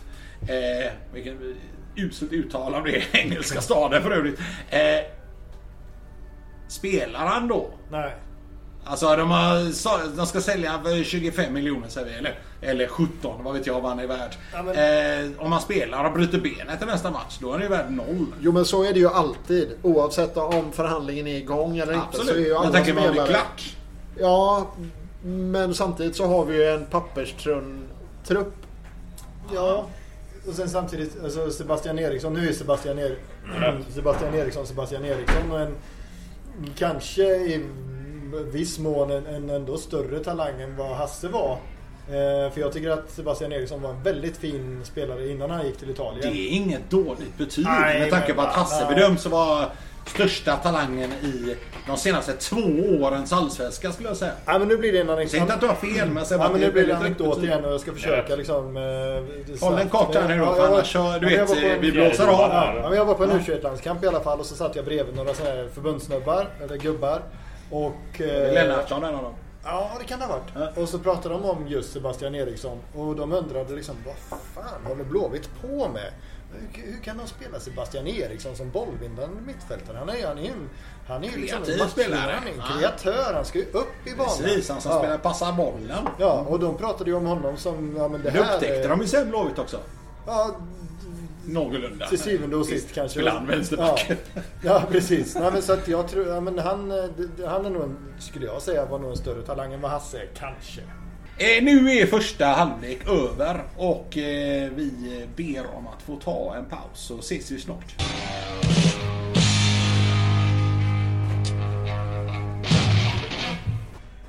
Är vi glada nu? Välkomna till andra halvlek av Bara Ben-podden. Vilket avsnitt är det? Är det nummer fem? Nummer fem. Nu ska, nu, ska Är vi vara glada, nu ska vi vara glada har vi sagt. Ja, för det är nämligen så att om ett par dygn så spelar IFK Göteborg cupfinal. Och eh, det, vi pratade ju alldeles nyss om eh, här i pausen, eh, det var lite allmänt surr om eh, cupfinalstroféer. Du måste ju bara berätta det Tony om eh, Dra där. Ja, det finns många historier om cuptitlar där, men jag tycker att eh, Sankt Petersburg satte ju någon ribba på det. Eller ryssarna har ju satt det nu. För nu vann ju Zenit Sankt Petersburg eh, den ryska kuppen och då firar de det storartat givetvis. Och då var det Branislav Ivanovic, eh, förra Chelsea-spelaren, som ska ta emot pokalen som är i glas! Och den tappar han givetvis. Alltså sicken grej. Det är så vi surrade lite grann hur pokaler ser ut här när det var halvlek just hur jag dissade ju Ligue 1. pokaler ser ju ut som en jävla inredningsgrej. Svenska cupens pokal är ju inte speciellt vacker tycker inte jag. Den ser ju ut som en liten necessär. Necessär. Lite lätt, lite lätt och fin alltså. Vas sa du här i pausen. Vas, ja. Ja, vas. Necessär och vas. Ja, men för många har vas Jag vet inte vad det är för necessärer du har va? Ja. Potatis och potatis. Potato. Kommer, kommer vi hålla den där necessären eh, på torsdag då, Daniel? Vad tror du? Det finns ju en tradition bland blåvita tränare att vinna Svenska cupen en dag. Ja. Så, eh, jag vet, och sen samtidigt Sören Rex gick ju till Malmö för att vinna titlar. Han har inte vunnit en titel och det vore väl ändå någonstans liksom ödet, ödets ironi för hans skull om, eh, om han torskar en titelchans mot just eh, laget han lämnade för att vinna titlar. Tänker jag. Så det hade ju varit Nej, det hade varit vansinnigt, vansinnigt fint att snuva Rex på en titel. Men eh, gör vi det då? Jag tror vi gör det för att jag tycker att ändå, det är det som är så jädra svårt med Blåvitt i år. För att alltså, varenda gång man tror att det ska gå ett pipsväng. Jag har trott det typ som när vi skulle möta Bayern borta i kuppen. Då sa jag det, ah, men det här går, går käpprätt. Ah, Bayern med sin offensiv så vann vi det. Jag tänkte ju också nu inför Häcken. Häcken som hade kommit med 4-0 mot AIK. De hade spöat Elfsborg med 6-0. Alltså kanonslag. Men så får vi med oss 0-0 får man ju ändå säga utifrån Häckens form är någonting. Men det är någonting lag som är i kanonform. Vi lyckas rubba dem. Ja, jag tror faktiskt jag är en usel tippare. Men jag har en feeling av att pokalen kommer hit. Okej. Efter Via... Ja, precis. Var det Det nästa måste bli kryss givetvis. Ja. Absolut. Det som, jag, det, det som jag tycker är jobbigt är att eh, Thelin, eller Isak Kiese Thelin började väl leverera tämligen direkt. Men nu har ju Ola Toivonen också kommit igång. Sen har ju Antonsson också gjort ett par mål nu på slutet. Så de har ju... eh, Ja, det är drag alltså. Sjuk assist på Ola Toivonen eh, nu sist. Ja, Mm. Det... Ja, nej. men eh, jag är försiktigt optimistisk. Alltså vi har ju mycket mer att spela för. Malmö Mm. är ju klara för Europa redan. Fördelen för dem... De har ju kuppa, de kuppajäveln. De har ju en jävla ångest kring den här kuppen. Ja, men sen är det Det- så att fördelen med att vinna kuppen för Malmös del, det är, men Malmö är redan sedade, men det är att de får hoppa över en, alltså vinnare av kuppen går in i kvalomgång två. Det. Istället för kvalomgång ett. Då, slipper, då slipper man de här klassiska lagen från eh, Nordirland eller Wales första kvalomgången. Och så går man in i omgång två. Men Malmö är högt rankade så de har lite mer av en gräddfil redan in till Europa League än vad vi övriga har. Fast de verkar mysiga de där första kvalomgångarna. då. Jag vet när Malmö var i Götene och, och, och säkrade cupplatsen 2017 eller någonting. Tobias Sana på Västerby IP. Då hade ju Malmö tydligen hängt med Götene-spelarna ut på ja, krogen då efter matchen och käkat en pizza liksom. Eh, jag, det känns som att det är ändå lite mysigt med de här första omgångarna. Jag, jag hade otroligt gärna gjort en bortaresa till typ Cork. Ja. Eh, Det... Ja, nej verkligen. Alltså Europa League för mig triggar något enormt även om det är kval. För att första kvalomgången då kommer de här roliga motstånden som vi nämner. Cork eller så ska Ja. man hamna kanske någonstans borta vid eh, hos, eh, ja, vet, Azerbajdzjan. Men de är rätt farliga de här lagen. Men det roliga är alltid kvalomgång tre. För då börjar de här vassa lagen komma in. Eh, häcken var ju i Europa League för två säsonger sedan. Då var det väl, om inte jag minns helt fel, då kom ju de till kvalomgång tre och då mötte de Leipzig. Ja, Red Bull. Leipzig blev det till och med i kvalomgång tre. Det är riktiga kanonmotstånd som väntar där. Som man kan, det är riktiga fotbollsfester man kan se Vi pratade om det här att det var en tradition för IFK Göteborgs tränare att vinna SM-guld. Ja, förlåt. Cupguld menar jag. SM-guld med. Eh, Ja, det, det, det känns som något desto jävligt avlägset. Det kommer vi inte vinna på torsdag. eh, Sven-Göran Eriksson vann eh, Svenska Cupen ett par gånger. 1979, första året när han tog över. Eh, sen så vann han återigen en gång till. Eh, IFK Göteborg vann även cupen 1982. Samma år som vi tog trippen, vi tog SM-guld och så vann vi Uefa-cupen. Sen gick ju Svennis utomlands och då var det så att vi hade en annan tränare som vann S, eh, förlåt, jag höll på att säga det igen. SM-guld. Eh, cupguld med Blåvitt. Vem var det? Nästa tränare efter Svennis. Ja! Vem var det? Det här är ingen jävla enkel fråga för det är ingen kändis. Nej, okej. fan. Nej, du, det, nu blir det Jag bra trodde det var. Roger efter det Fasen, där. jag är ett. Roger? Nej, nej. Vi hade ju massa tränare emellan. Eh, så här är det va. Vi, vi, har ju, vi har ju en Svennis som kommer till Blåvitt, bygger Ja, upp ett stort storlag. Jag är, jag är inne på samma grej. Ja, Gunder. Gunder. Eh, Gunder kom också senare. Gunder var den permanenta lösningen som kom in. Som vann andra Uefa-cupguldet. Som var, var tränare då när vi nästan gick till Europacup-final där när Barcelona gjorde den här eh, fruktansvärda Ja, eh, aktionen. Ja, och när de skickade upp horor på Blåvitts eh, hotellrum mitt i natten och så vidare. Faktum är att vi har ju bytt tränare en Undrar hel del sedan dess. bättre efter den. Ja, Glenn- samma. Det här är ett avsnitt min dotter inte ska lyssna på. Nej, det, inga barn ska någonsin lyssna på det här. Faktum är att Björn Westerberg tog över Blåvitt efter eh, efter eh, Svennis. Björn Westerberg är för den stora publiken ganska okänd. Han är en eh, snubbe som kom från Åtvidaberg. En stockholmare från Åtvidaberg. Ja. Född i Stockholm, uppvuxen i Stockholm. Lite som Stare som också tog cupguld. Ehm, han var Åtvidaberg-tränare fram till Blåvitts Uefa-cupguld. Då värvade de de honom från Åtvidaberg in för att bli första tränare. Och han tog ju förvisso då cupguld och så vidare, men det blev ganska snabbt så att ja, men det här är kanske inte vår nästa stortränare, så de bytte ut honom. På bänken däremot satt en riktig jävla bekanting. Hans assisterande var Kjell Pettersson. Som senare också var assisterande för Roger Gustafsson. Eh, som var en riktig Blåvitt-ikon som varit med och tränat U-lag och liknande under många år. Christian, du hade något att säga? Blev det här just Nostalgipodden eller? Nej, men jag vill bara eh, påpeka lite att ibland är det så att en del av de yngre fansen som idag följer IFK Göteborg kan inte IFK Göteborgs historia. De förstår inte vilket storlag IFK Göteborg är. De förstår inte varför till exempel Robert Laulsson kan få med så mycket skit han vill eh, säger att men det här är ju helt oacceptabelt att Häcken kan vara 30 poäng före Blåvitt under tre senaste säsongerna.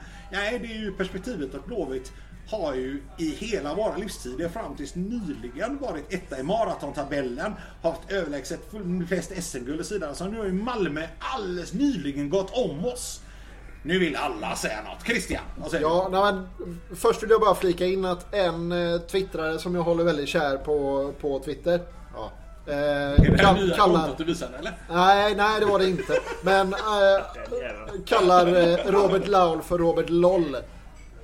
Det är mitt lilla bidrag bara. På, es- på estniska betyder LOL idiot. Alltså dum i huvudet faktiskt. Ja. Antonio? Eh, inför cup. Laul är väl också est, av estniskt? Kanske Börd, vet det. Du, det är väl mer än jag vet. Men det kanske Jo då, det är han. Det är Ja. han lätt. ja, men han kan inte ett ord estniska, det kan jag lova dig. Det är en annan femma. Han kan vara Ja. lätt. Nej men om man tar cupen nu på torsdag. Jag tycker det är lite grann av ett examensprov för IFK Göteborg här nu. Jag tycker det var positivt att eh, tittar man lite grann på igår på Twitter vad Blåvitt löp på sin, eh, sitt flöde så var det liksom en bild när vi firade cupguldet sist att nu är det finalveckan. Det tyckte jag bra. Det fick jag lite feeling att fan nu har man satt ribban. Det är fest på gång. Jag hoppas verkligen det är bröstet utåt som gäller här nu i cupfinalen. Att vi vill fan vinna denna och inte be om ursäkt. Alltså, jag, jag, jag- fastnade lite grann på vad du sa där Daniel. Där. Vi är Blåvitt, vilka fan är ni? Lite den attityden. Alltså jag vill se det här nu inför cupfinalen. Inga jädra ursäkter. Alltså vi är ett storlag, punkt. Vi är inte där poängmässigt. Vi lever, men vi är alltid ett storlag. Christian, Vi ska ja. inte be om ursäkt. Och Ja, det är Samtidigt så vill jag ju ha sexbackslinjen i sådana fall. Ja, hur det ser ut skiter. Vad vi vill. Ja, nej men alltså jag vill inte att vi går ut och, och sådär. Vi är Blåvitt, vilka fan är ni? Vi går tillbaka till våran 3-5-2 från 2018. Nu spelar vi ut er grej. Ja, men det nej, visar man nej, när man lyfter pokalen. Vilka fan Ja, är ni? exakt. Det är det som gäller alltså. Daniel, det är vad säger du om detta? Nej men jag tycker att det är det som är det... det. Ja, och det är det som är det bästa med liksom värvningen av Mattias Bjärsmyr. Han förkroppsligar ju hela, hela det här liksom, vi är Blåvitt, vilka fan är ni? Alltså, det är som eh, den här Rosenberg var i Malmö tidigare.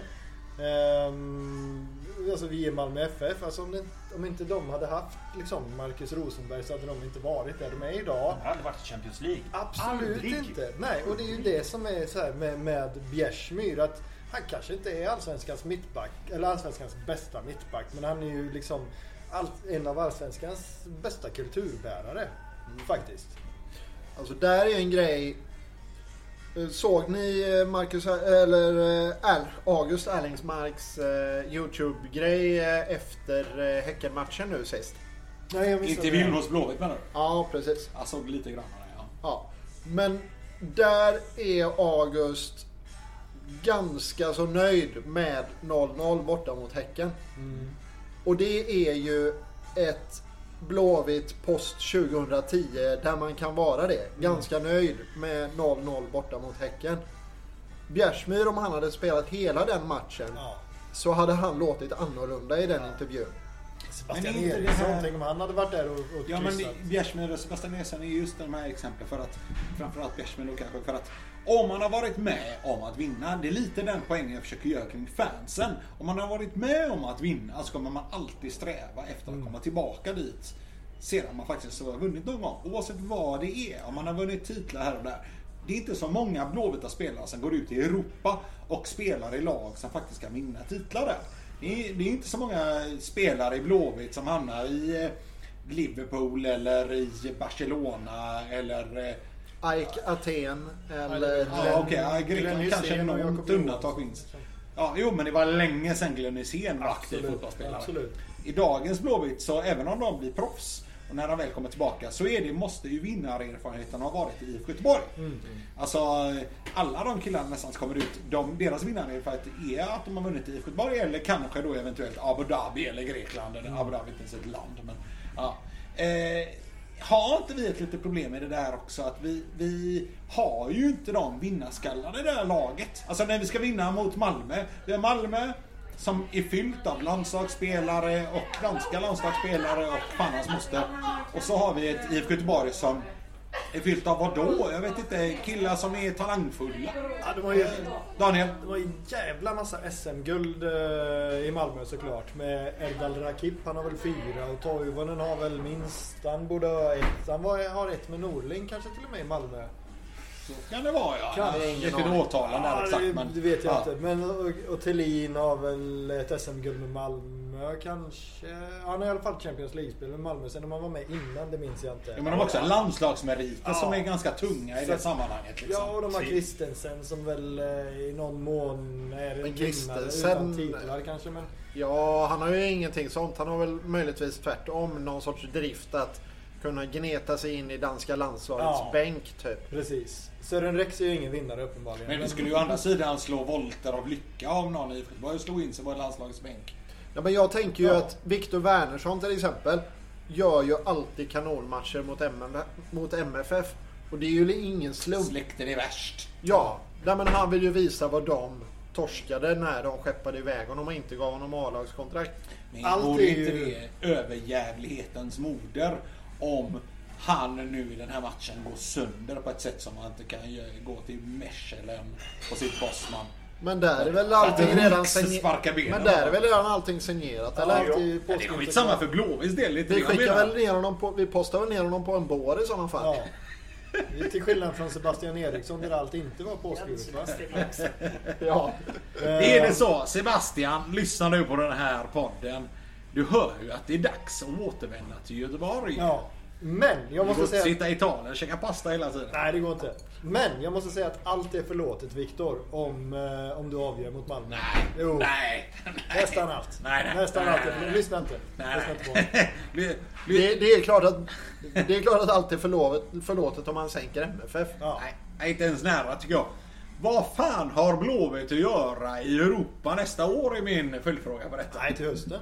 Nu. Ja, det är ju nu ja, just det som allting Om om en kvart. Ja, just det. Fan, det har ju- Den börjar jävligt snart faktiskt. Champions League och Ja, men då kommer ens det bli så jävla lipande om vi tar tätt matchande det är va? Ja, det- Nej, vi kan inte ha det. Vi kan inte ha det. Vi måste ha fokus på Allsvenskan. Men här tänker jag att, vi, vi snackade sportcheferiet innan. Ja. Här tänker jag att Kenneth har ju två spår.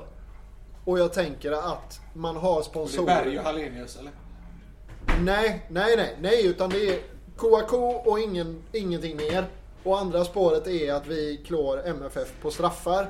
Och där är Ola Serneke med på ett hörn och där är någon det. annan med på ett hörn. Och där har man ett bud att ge Jeremejeff och ge ja, vem det nu är mer vi känner att vi behöver. Men är inte, så. alltså, kommer ni ihåg på den tiden när IFK Göteborg också hade det tufft för en eh, 15 år sedan. Allt, hela storlagsepoken hade brustit samman. Allt hade skitit sig. Eh, då var det någon lovet ledare, jag minns faktiskt inte vem det var, som sa nu ska vi börja leta spelare på andra marknader än de vanliga marknaderna. Har inte alla sagt det? Jo, fast jag skiter Ibland om Hammarby har gjort det. Men det var lite inspirerande Ja, men av alla att ledare. Ham, Hammarby hade nämligen en period där de plötsligt tog in massa jugoslaver, om du ut, ursäktar den uttrycket. tiden, ja, men det är 90-talet. Ja men det var så här mycket vid, de kallades för videojuggarna. Eh, de tog in gubbar som de hade sett en video på vad det här gör jävligt bra insatser någonstans i något jävla lag i Kroatien liksom. Och så han tar dit på provspel och så, och så såg IFK det. Fan alltså, det här är bra gubbar. Eh, vi tar hit några också. Så hade de ett par juggar som var där och de var och spelade på Häckens nuvarande hemmabar i eh, på Sankt Jörgen. Och jag var där och tittade på träningarna. Man blev lite imponerad. Någon kille skulle skjuta hissparkar från 45 meter liksom. Så han, kunde, han var ju världens fotbollsspelare. Man kunde skjuta väldigt hårt. Blev ingen kontakt i Blåvitt. Men i dagens Blåvitt spelar till exempel en kille som är Georgi, som också är en effekt av att jaga andra ligor. Är inte det egentligen där vi borde söka spelare i den annorlunda fotbollsmarknaden snarare än att slåss om Hallenius med andra svenska ko- klubbar? Eller Jeremejeff som vi vet att Häcken hugger på. Vad, säger du Ja då? men det var väl det Mats Gren gjorde. Mats Gren eh, får vi också tacka för Georgie. Faktiskt. Eh, Ja, men, han hittade bra spelare. Jo, men Ja, alltså- det var ju inte Mats Gren. Det är väl ändå Olle Sultan som varit ner och scoutat den här killen? Ja, det vet Eller? fan. Ja, ja, det Olle kanske var Sultan Mats är. Haitham Malesami, absolut. Men eh, det här... Han är ändå chefscout, Skull Sultan. Ja, ja, vet inte. Ja. Men, eh, men, men han, ja, det låter ju som att jag inte har någon som Olle helst koll. Men Olle Sultan behöver skicka blommor vi skrattar mer åt att det kändes som att du gav en pungspark till Sultan där. Nej, alltså all respekt för Haitham. Absolut. Ja. Eh, Men däremot så han tog in Prosper och eh, Sabba. Larsson. Ja, och frågan är så här, Lawson, om, inte han, om han hade presterat bättre i den där Kalmar-matchen. Där har vi verkligen en sån sliding doors moment. Verkligen. Okej, han var 18 bast, gör en dålig match mot Kalmar, ryker, får aldrig mer se en startelva och nu spelar han i division 1. Men är det verkligen så? Jo men fram till den Kalmar-matchen var han ju fin. Bjärsmyr jäm- jämförde honom med Maj Malango. Jo, men jag menar nu i det han presenterar på Jämför honom plan. med Ja, Malango. ja, absolut. Herregud, det tar upp i skyarna. Ja, det var det ju. Ja, förlåt, jag avbröt det där Daniel, men jag måste flika in med att vi har ett liknande problem här nu. Det är så att en av poddarna har ju en granne som heter Långås. Vi måste ju få dig att prata lite om Långås här nu. Långås, när du, när du lyssnar på podden. Och veta så att det finns, jag älskade dig när du gjorde mål borta mot Bayern till exempel. Jag kommer fan inte ihåg vilket år det här var. Men du kom in där och gjorde ett fint mål. Vi vann då 1-0 för mig. Eh, men det finns en parallell till dagens Göteborg som inte är så smickrande. Det är nämligen att det var ju paniksituation i Göteborg när vi värvade Långås. Eh, Blåvitt hade varit dominant i fotbollen i 20 års tid. Plötsligt under 3-4 år hade allting börjat rasa ihop som ett korthus. Man spenderade alldeles för mycket pengar på spelare som hade spelat en, två landskamper. Bara öste ut pengar åt alla håll. Ville köpa makten kvar. Det misslyckades gång på gång. Plötsligt började man förlora jättemycket matcher. Det gick inte så bra i Allsvenskan. Då värvar man en kille med AIK-bakgrund då, nämligen från AIK. Patrik Långås Andersson. I år gör vi ju samma sak. Mm. Vi går dåligt. Vi försöker lösa det med att värva Kouakou som är en kille med AIK-bakgrund då. Han är inte från AIK. Vad tror du Långås hade sagt i det här läget om att bli jämfört med Kouakou? Och bli jämförd med Kouakou. Han vet med fara åt helvete eller? Eh, oj, vad hade Långås sagt? Alltså Långås är ganska bitter numera när man är hemma hos honom. Jag gillar ju att vara hos honom där. Alltså, det, det satt ju, eh, såg ju den mot Helsingborg där så sa jag ju det när vi ledde 1 Fan Patrik, det här kan ju gå hem. Dö! Med det här psyket, det blir rätt. Det blir kvittering. Det ska du fan skriva upp med en gång. Och det blev det ju. Eh, Han vet vad han snackar om. han vet vad han snackar om, men det är den här generationen. Nej, men vad ska, vad han skulle, det är två olika spelare egentligen tycker jag. Men meritmässigt sett, om vi ska ta Kouakou. Ja, han har gjort bra ifrån sig. Men jag har, eh, vi har varit inne på det innan, det är inte många som lyckas ta klivet från superettan till allsvenskan. Det som Kouakou har till sin fördel måste jag säga. Det är typ att nästan alla har skrivit ner honom, i alla fall av supporterna. För många dissar ju liksom den här affären redan nu för att vi tittade ju på Berg. Vi jagade Hallenius och så fick vi Kouakou. Det är ju nästan så Ja, att... Jeremejeff där. Och Jeremejeff däremellan. Och det är liksom när man pratar med Kenneth Andersson var det lite mer ja det var det vi hittade. Typ vi har inga pengar. Eh, Lite den signalen ut där. Så han har alla förutsättningar att lyckas. Han- För det är inte många som tror på honom. Han har allt att vinna så att säga. Allt att vinna, det absolut. Han har allt att vinna. Det finns inte... För när vi värvade Sargon Abraham, jag vet att då var det ju ändå lite förväntningar på honom. Gud vad spännande! En futsalspelare in här och har gjort succé. men var inte det också lite så här spännande i, i förutsättningen att det finns tre spelare som går före honom? Han är en spännande spelare in. Ja, men vi har många...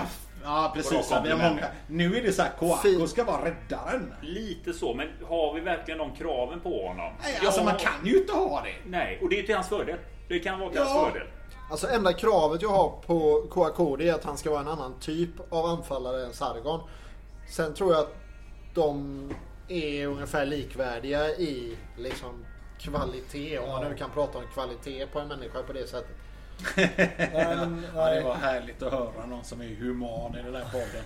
Nej, Podden jag- full av svin. Ja, exakt. Nej, men det är Ja, väl- Daniel, svinare ut den nu då. Ja, nej men eh, det är väl det som är just det där som jag var inne på med Bjärsmyr. Vi är Blåvitt, vilka fan är ni? Och då blir det ju sådär, om man, om man då ska ta hit en, eh, en anfallare. Då är det för mig, ja men nu har du skrivit på för Blåvitt. Du har tackat ja till de kraven. Så nu ställer jag krav på dig. Annars kan du dra. Ja, men ställer vi krav? Det är Nej men det jag känner. gör det. Ja, På du tal gör- om krav. Ja, men det, det är ju det jag säger. Alltså jag köper helt din Ingen press bara. Nej, ingen press. För guds skull. Känn ingen press. Eh, det får man inte prata med den här föreningen. Nej, men Både jag, Andreas Alm som gäst i den här Nej, podden. nej men alltså jag, jag är precis med på det. Vi har krav, men det är ju det här jag undrar lite grann är att finns... Kommer de kraven internt i omklädningsrummet? Blir det den här pressen, de här kravbilderna? Jag, ty jag tycker, om jag ska vara kritisk mitt när vi pratar cup och så vidare. Vi är för mesiga. Så Nej, men- härliga till. Och det var en sak som jag faktiskt tänkte på i, under matchen mot Häcken. När Noah har sitt första bolltapp eh, på mittplan som leder till kanonchans för Häcken. Ingen skäller ut honom. Sen har han sitt andra bolltapp som leder till kanonchans. Ingen skäller överhuvudtaget. Och jag, är så, jag tycker att det är lite mesigt det där. Ja men han vet att han har gjort fel. Ja absolut. Men skäll på honom så han inte gör det igen. Ja, men har, har vi inte ett problem i det också? Att de killarna som med rutin i Blåvitt nu, Jakob Johansson, Mattias Bjärsmyr, även Tobias Sana som är 30-plussare med två vänner i Blåvitt, varit i Malmö med prestationskraven som finns där och så vidare. De blir lite formade av det Blåvitt som finns idag. För jag är ganska övertygad om att de här spelarna hade agerat utåt mot varandra på ett helt annat sätt om kraven hade varit vi ska ta SM-guld i år. Ja. Då hade de stått där och skällt på honom och sagt för helvete du missar inte en sån jävla boll en gång till. Ja, Christian. Alltså grejen är, det finns ju, jag vet inte om ni har sett eh, klippet på, utan ljud för övrigt. Men eh, man behöver inte vara magisk läppläsare för att se att Tobias Sana, ja, du, du vet Ja, vilket jag menar. Det någonting med fiskar. Din va? mamma är en Ja. hora säger han väl snarare? Nej, det? nej, kvinnligt könsorgan slutade på. Ja. Eh, Så väldigt var det, tydligt. ja. Så var det. så. Någon som är och fiskar. Eller, Din mammas ja, fiskar. Ja, din mammas fiskar. Så kan vi säga. Men eh, nu är inte den från i år, den är från förra året. Men det där finns ju i honom. Ja. Liksom. Men, det. men jag tänker att alltså, Jakob Johansson är precis på väg in. Han kan inte ha det med sig från början när han inte är 100% själv. Bjärsmyr, samma sak. Han är precis på väg in. Han kan liksom inte ha det nu. Men vi vill ju se Just- det här snart. Jakob Jag Johansson tror är inte... väl inte samma aggressiva personlighet tycker jag. Jag tror fortfarande att han är en kravställare på ett helt det annat sätt än de andra jag tror inte han som svordomarna flyger omkring honom som eh, Sana och Bjärsmyr kanske riktigt. Alltså han har ju flest högskolepoäng utav alla i Blåvitt. Jag roligt att jag, jag var på Akameribokhandeln häromdagen och så eh, stod jag där och diskuterade med snubben som jag skulle köpa en världskarta faktiskt. Jag behöver inte förklara varför. Men, och så var det en annan kille framför mig i kön. Och han var så jävla långsam med att betala. Så det, vad fan håller han på med? Liksom, det tog hundra år. Och så när jag väl kom fram så försökte jag ge en blick till killen som jobbar där. Och, att, och bara, "God, vad omständig han var. Så han fattade inte alls vad min blick gick ut på. Så tittade jag upp och såg det var Adam Johansson. en av de absolut mest eh, högskoleutbildade och intelligenta personerna som jobbat eh, för Göteborg. Ja. Ja, jag sa jobbat nu, spelat kan man säga också. Han har jobbat förvisso. Ja, jo, han jobbar ju bara när han spelar där. Väldigt på fest tid. bara. Är det så? Vad, vad sa att han var? Trä är på fest. Ja, men det tror fan det. De tre jävlarna på fest. Det är ju de som sen man ser sitter och jobbar i någon jävla eh, professorlokal sen. Nej, ja det, där, det här är off-podd. Ja, Den här diskussionen. Men det, Ja, vad fan. Tre jävlar på fest. De tjänar bra pengar det och har fina det. karriärer sen. De som har roligt på fest det är ju de som jobbar på industrierna. Alltså. Det är en annan femma. Tycker, är min eh, enkla åsikt Ja, men det är bara för att, det är bara för att du inte ser skolvärlden som en industri. Ja. Det gör jag. Du är asrolig på fest Daniel. Men du, eh, nu har vi pratat en jävla massa om den här cupfinalen. Ja. Jag skulle väl väldigt gärna vilja Jag, jag, jag, jag vill bara säga det. Jag vill att vi vinner och jag vill ut i Europa. Ja, jag jag struntar skiter Men fullständigt du, i om vi stannar kvar vid den då. Eh, tar vi oss ut i Europa då? Alltså vi, eh, jo men vi, vi kvalificerar oss, vi får spela kval. Mm. Eh, Tänk om det går dåligt ett par matcher efter det. Vi förlorar Men- mot Malmö Östersund. Vi är inblandade i bottenstriden. Mm. Vi har också Europaspelet plötsligt. Då blir det ju ett alibi för att vem ska spela när och vi har något att skylla på.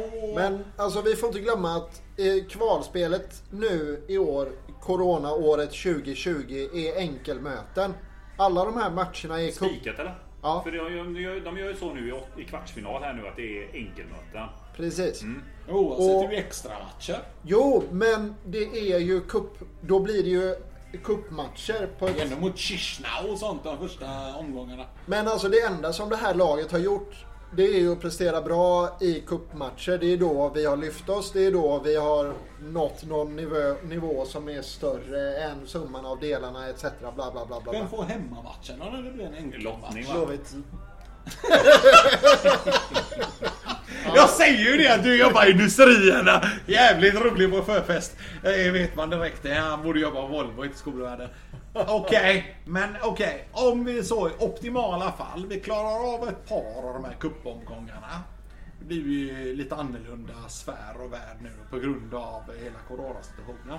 Är det ändå inte lite problematiskt att om vi är inblandade i en bottenstrid, jag säger inte att vi är det just nu, jo det gör jag. Eh, men om det är så att vi är indragna i den, att vi får massa extra matcher. För vi ser ju nu hur vi roterar med spelare. Vi vilade Bjärsmyr och Sana från start igår för att de inte är liksom fit for fight. Nu får vi Eh, ja, Chisinau sa jag, men det kan lika gärna vara jävla Flora Tallinn och sånt skit vi ska möta. Vi pratar om två matcher säger jag. Vi går in i kvalomgång två, Ja. en match. Och sen så går vi in i kvalomgång tre när tyskarna och italienarna kommer in. Där, där är det respass direkt. Sorry, vi, vi åker så det står här. Ja, men tänk vet- om den matchen i sig, eh, existensen av matchen, innebär att vi Det måste kan ju, spela. kan ju också vara Karabach. Ja men de är svåra de jävla oljepengar och skit. Ja, men det är ju mindre publik, mindre Ja. pengar till oss. Ja, Ja, men då, Det är ju bra att möta ett bra lag så ja sätt. men ge jag tyst. Det är kanonbra vore det tv-intäkter. väl underbart att få åka på en Europaresa. Tänk om vi kan spela in podden i höst. I eh, Tjeckien är drömmen. Polen eller något. Ja, Tjeckien. Skicka oss till Tjeckien alltså. Ja, ja. trevligt. Prag så har vi Ja. Dav- David Moberg Karlsson. Så är det. De hade ju cupen där så Sparta Prag går ju Ja. också in i den Men serien är inte de Sparta Prag. Nej, det går rätt kast. Jag tror inte de gick till serie. Slavia, Slavia, så. Prag. Ja, Kineserna Slavia. går in och pumpar in Ja, pengar där. Men sen stack kineserna. Jävla skitarena. Jag var nere och tittade på den för något år sedan. Alltså vi pratar om en arena sämre klass än Slavia. Gamla Ullevi. Slavia. Ja, Slavia. Ja, men det är ju öst där. Jo, men det är- Jag tror kineserna har röstat upp den. Ja, men det, jo, men det tar tid att bygga Jag har skaffat däcksponsor med Säränder också som du vill ha. Det låter som rikskupongen, men det är en annan fråga. Men Ränder efter kommer du ihåg det? Rikskupongen, det var grejer det. Nej men, nej, men, nej men helt ärligt, alltså, om vi ska skylla på att det är bottenstrid och att vi inte kan spela i Europa samtidigt.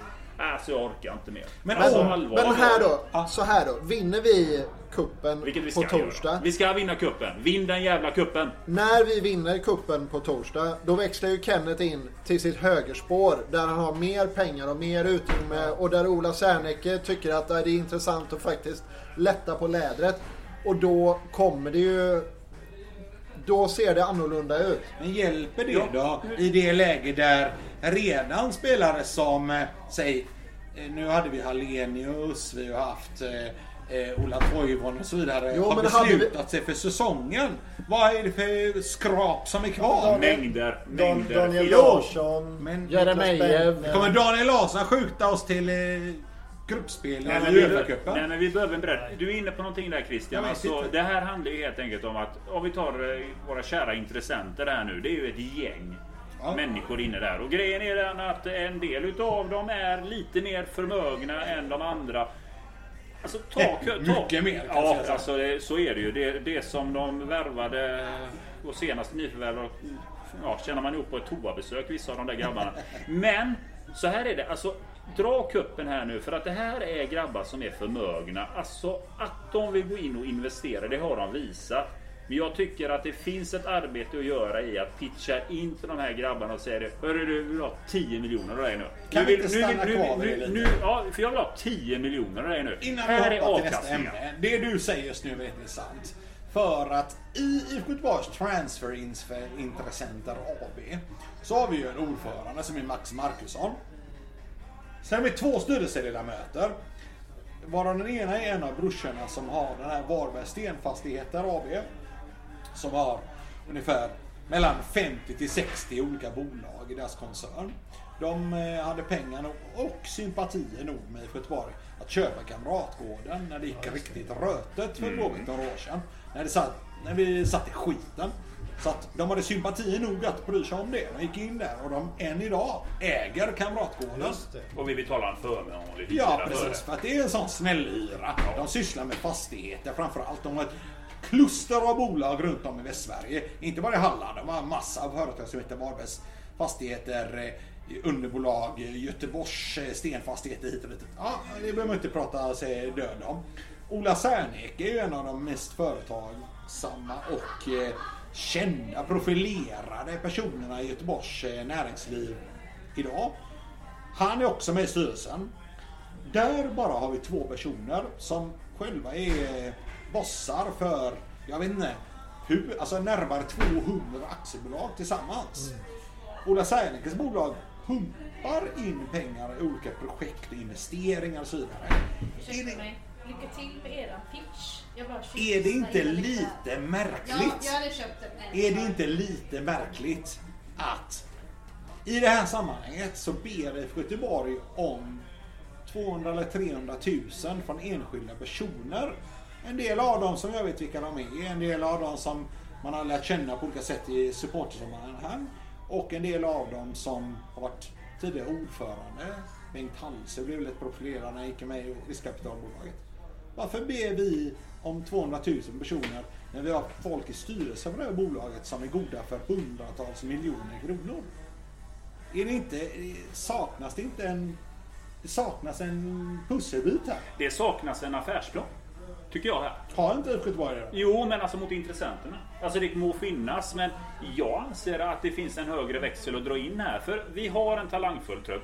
Det finns intressenter ute i Europa. Ja, ja visst, må vara då att vi inte får hela transfersumman, att det faller till intressenterna med all rätt. Men eh, hellre att det faller i deras fickor än de stora summorna som hamnar hos agenterna under eh, Mats Gren. Tog upp igen. Men hellre det. Här finns en affärsplan. Och jag menar, tittar man som du är inne på Marcus, om man kollar på alla bolag så finns det. De här personerna är ju med i många investmentbolag. Alltså det är pure business. Det är klart de skulle kunna gå in här och se det här som en affär. Ja, man kan tjäna pengar. pengar på lägenheter eller man kan tjäna pengar på affärsfastigheter. Som man skulle kunna se pengar, intressenter som tjänar pengar på även fotbollsspelare. Ja, men så här funkar det runt om i fotbollsvärlden. Jag menar, eh, det här är en del utav det och det här är kapitalstarka människor. Ge oss kupptiteln, dra in Ola och gänget vid sidan av och snacka om att nu jävlar, nu har vi pokalen. Det händer någonting nu. Nu vill vi växla upp här. Här hade vi ju, för ett par år sedan hade vi ju eh, Nisse Wiberg från Prioritet Finans inne för IFK Göteborg. Och det var ju då en situation som, där han var ju beredd att betala ganska mycket pengar till Blåvitt. Av olika skäl. Eh, framförallt för att hans varumärke skulle exponeras i ett positivt sammanhang som IFK Göteborg. 13 miljoner. Ja, det var mycket 13. pengar som flödat. Det var 2,12 och halvt om du ska vara noga. Men det var förberett. det vara rätt. Eh, Men, men. Han blev bromsad för att hans ambition att få mer makt i Göteborg började växa sig högre än sugenheten i Blåvitt hade. Han ville ju ha en plats i styrelsen, han ville vara med och bestämma, han ville ha en inflytande över vilka som värvade och så vidare.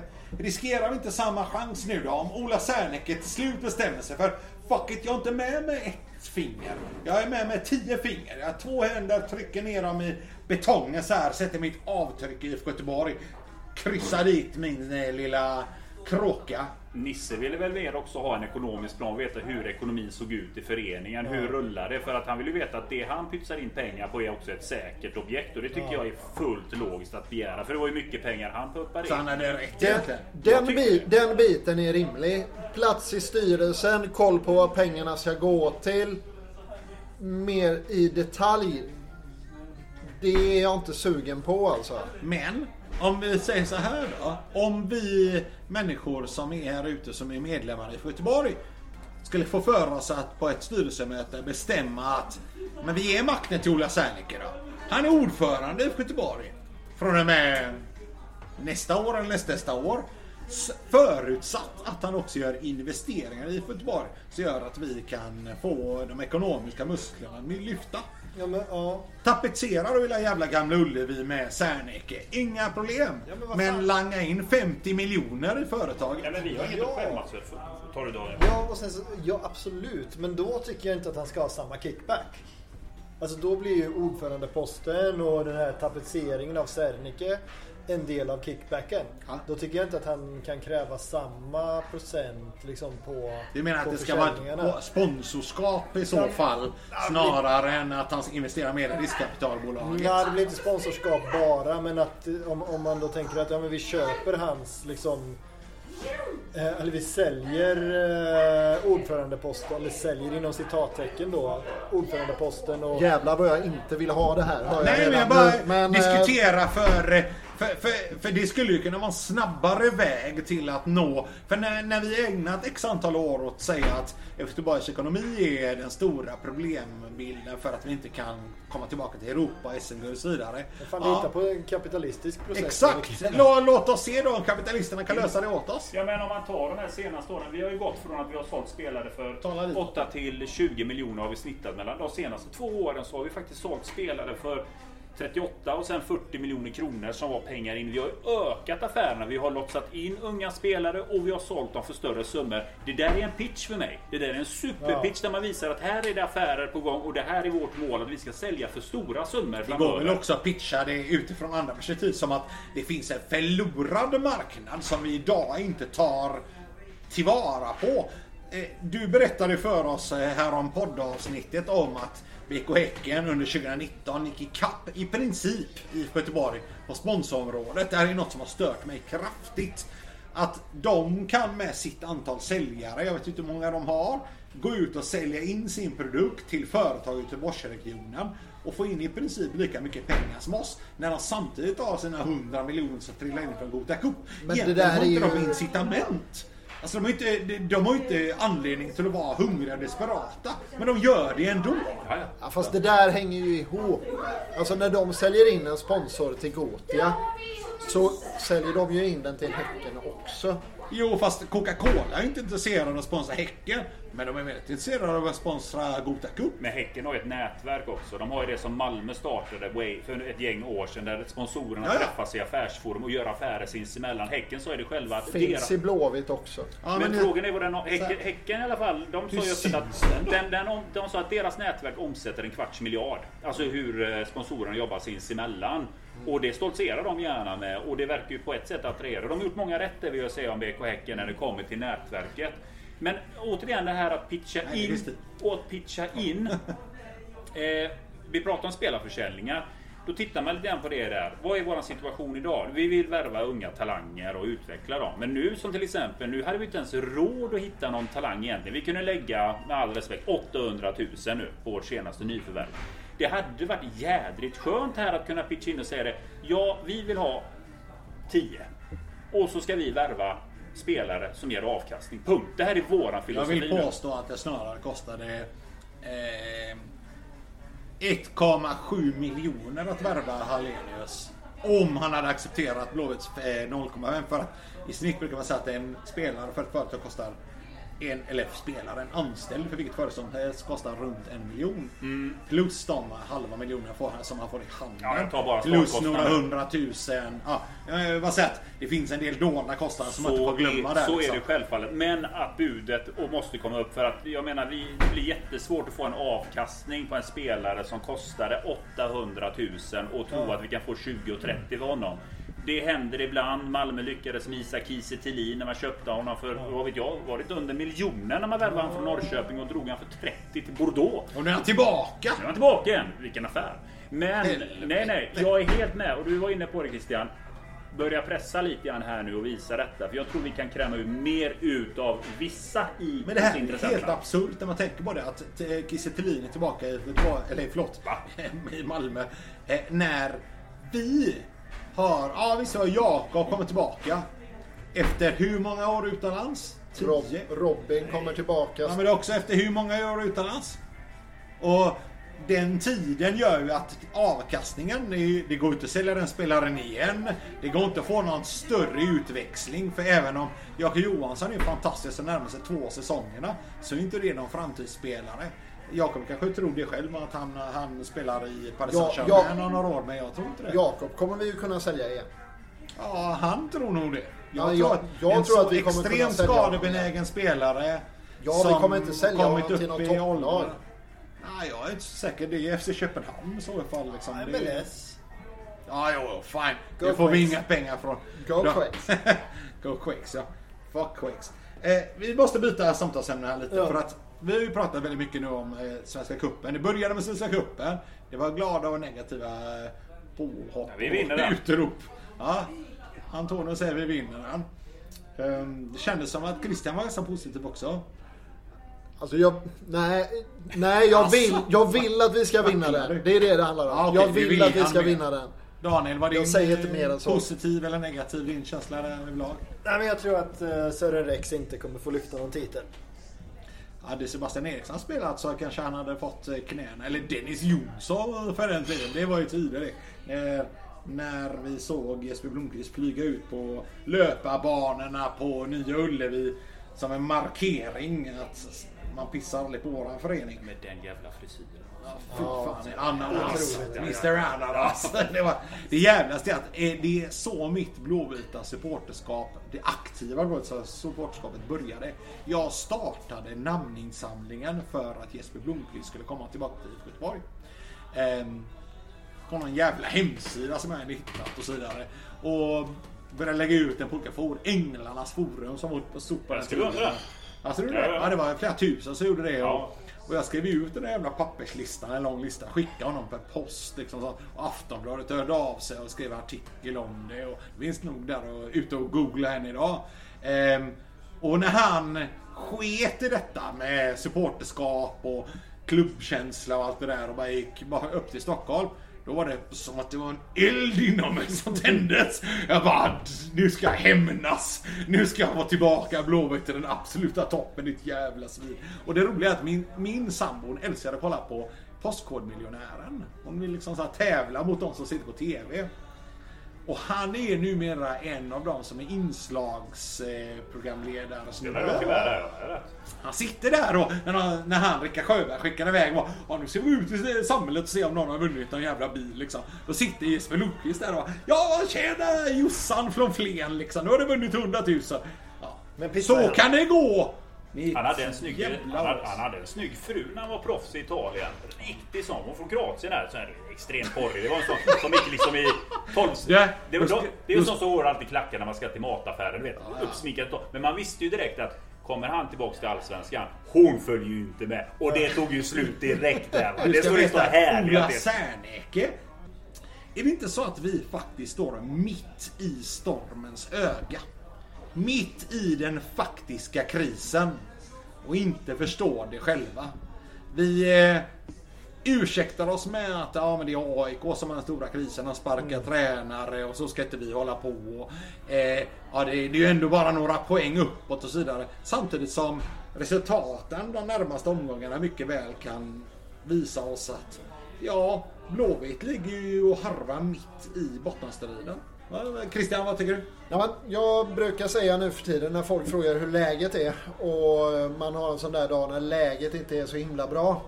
Så brukar jag säga att ja, men läget är väl sådär men trenden är god. Men för Blåvitt så är ju läget och trenden dåliga båda två. ehm, och ja, men Stormens öga är väl ett skitbra uttryck. Vi är precis innan cupfinalen.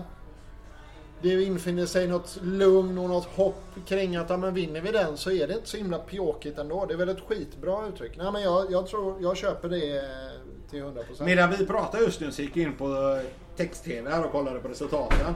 Och om det här håller sig, matcherna är ju i princip slut va? Eh, då, ja, då är det Kalmar får stryk mot Mjällby. Nej, 2-2. Alltså de kvitterade. Jag gjorde mål i sista här nu. Ja, i sista sekunden. Det är dåligt. Det var ju dåligt för Blåvitts del. Det innebär att vi har inte ökat avståndet mot Kalmar. Eh, Vi har inte heller ökat avståndet mot vare sig Helsingborg eller Östersund för att de spelade 0-0. Vilket gör att vi då med vårat fantastiska poäng mot Häcken som vi tycker om eh, och som är ett topplag och så vidare egentligen har status quo eller man ska säga mot lagen under oss. Det är fyra poäng ner till nedflyttningsplats. Det är tre poäng ner till kvalplats. Fyra poäng upp till affärsplan. Ja, och det går ju då hela tiden fokusera positivt och säga att ja, men det är fyra poäng uppåt och så vidare. Men måste ju vara medveten om att det bara är fyra poäng. Det är två förluster eller, eller två kryss ifrån att vara på nedflyttningsplats. Vad tycker vi om det här? Ja, vi har ju en tuff kommande match också här nu. Vi har ju cupen här nu på, som sagt, mot Malmö. Torsdag. Och sen eh, har vi Malmö igen på hemmaplan. Eh, och tuffa matcher där som väntar för Kalmar möter AIK samtidigt. Eh, Helsingborg tar sig an Hammarby och Varberg möter Östersund. Det är lag som är liksom där i våran region, vårt träsk. Och efter Malmö så möter ju Blåvitt Östersund. Ja, det... Det är ju verkligen sexpoängsmatcher det står härliga till.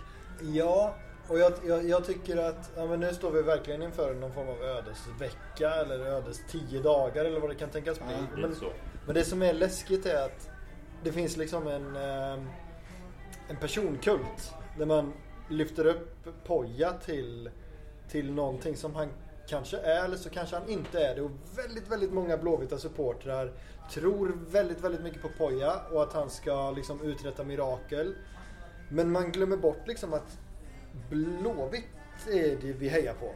Vi hejar inte på Pojas Bagg utan det är ju IFK Göteborg som betyder någonting. Och jag kommer ihåg, jag har hängt upp mitt supporterskap på spelare och, och till viss del liksom tränare också. Men sen så drar Tobias Hysén till Kina och då får man hitta någon annan hjälte. Vem hittade du efter Tobias då?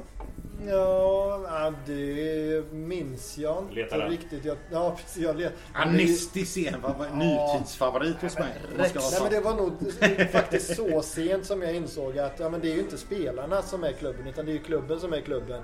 Och att liksom ett namn får aldrig överskugga Men du föreningen. vet du vad vi inte har pratat om i det här avsnittet? Det var vilken spelare i IFK Göteborg var det som fick det att fastna för IFK Göteborg? Ja, men det var Hasse Blomqvist. Alltså, han, var var han duktig eller? Det var, det var ju Ja, men- nära att vi missade det i det här Ja, nej, men, avsnittet. Det eh, har nykommit två gånger då. ja, alltså, ja, Fantastiskt. ja, nej, men många pratar om Sam Larsson och, och Zlatan Ibrahimovic och sådär men det är ju eh, dagens kids. Alltså varför har vi aldrig pratat om att ha Hasse Blomqvist som gäst i podden? Ja, det hade varit något. Bor han kvar i Göteborg eller? Ja, Kan han sitta ner med knäna? Ljumskarna var stå? kan jag stå med rullatorn? Nej men det var väl någonstans där när, när, när Tobbe kom tillbaka och man insåg att ja, men Tobbe ska spela och sen så såg man Tobbe spela och Tobbe spelade inte bra och då var det ja, nej men nej, det är ju IFK Göteborg jag hejar på. Jag hejar inte på Tobias Hysén. Och det är lite den grejen som har blivit med Poja nu att många hejar kanske på Poja och kan inte se att fan vi är på väg neråt.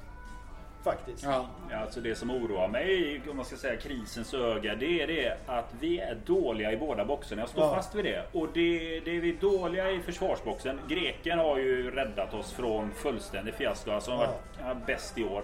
Och sen eh, offensiva boxen. Alltså det är där de två brister. Eh, mitten, ja det trillas runt. Vi har bollen. Men det Ja, är box, där det, har det, Ferran lärt oss något. det- Spanjoren har lärt oss men, något. men det är boxen vi har problem. Ja. Christian? Det är inte bara det att vi trillar på mitten. Vi har Hasse på mitten som alltid står rätt. Ja. De slår en pass. Hasse slår, står där. Det ser Ja. ut som de slår en, en indianpass Ja. varje gång. Men det är han som står rätt. Han är ju inte kvar e- efter cupfinalen kanske. Nej. Nej, Han och borde ju inte vara. det är galet att tänka på hur ung han är, Hasse också. Nej, det är inte ofta man får en sån talang till sitt lag som har den potentialen att sälja sig vidare. Så man hoppas ju verkligen att vi får utväxling på den här försäljningen. Ja. Tänk om han hade kunnat skjuta också. Ja, går ja, för ja, ja. 50 plus miljoner. 50 plus. Jag tänker om han avgör uh, cupfinalen på, på ett eller annat sätt. Ett Två- långskott två- ja, från eller- 30 meter. Eller två riktigt fina assist. Okej, gubbar och damer som lyssnar på denna podd. Älska Blåvitt. Ta det här jävla cupguldet någon gång nu då. Avslutningsrunda. Christian, vad säger du om eh, livet i landet? Eller läget i landet? Läget i landet. Läget är okej, trenden är dålig. Daniel? Ja, nej men eh, jag eh, hoppas på en cuptriumf och, och att vi kan vända den här nedåtgående trenden. Ja, Ante. I sann Nordalanda, alltid orolig. Jag vill ha cuptiteln på, mot Malmö. Så är det bara. Ge mig cuptiteln. Fram med bröstet. Vi är Blåvitt. Vilka fan är ni? Bra Daniel, den gillar man ju. Vilket jävla citat. Tack för att ni lyssnade. Vi hörs snart igen. Tjena! Hej! Hej! Hajarna glada människor ifrån Skåne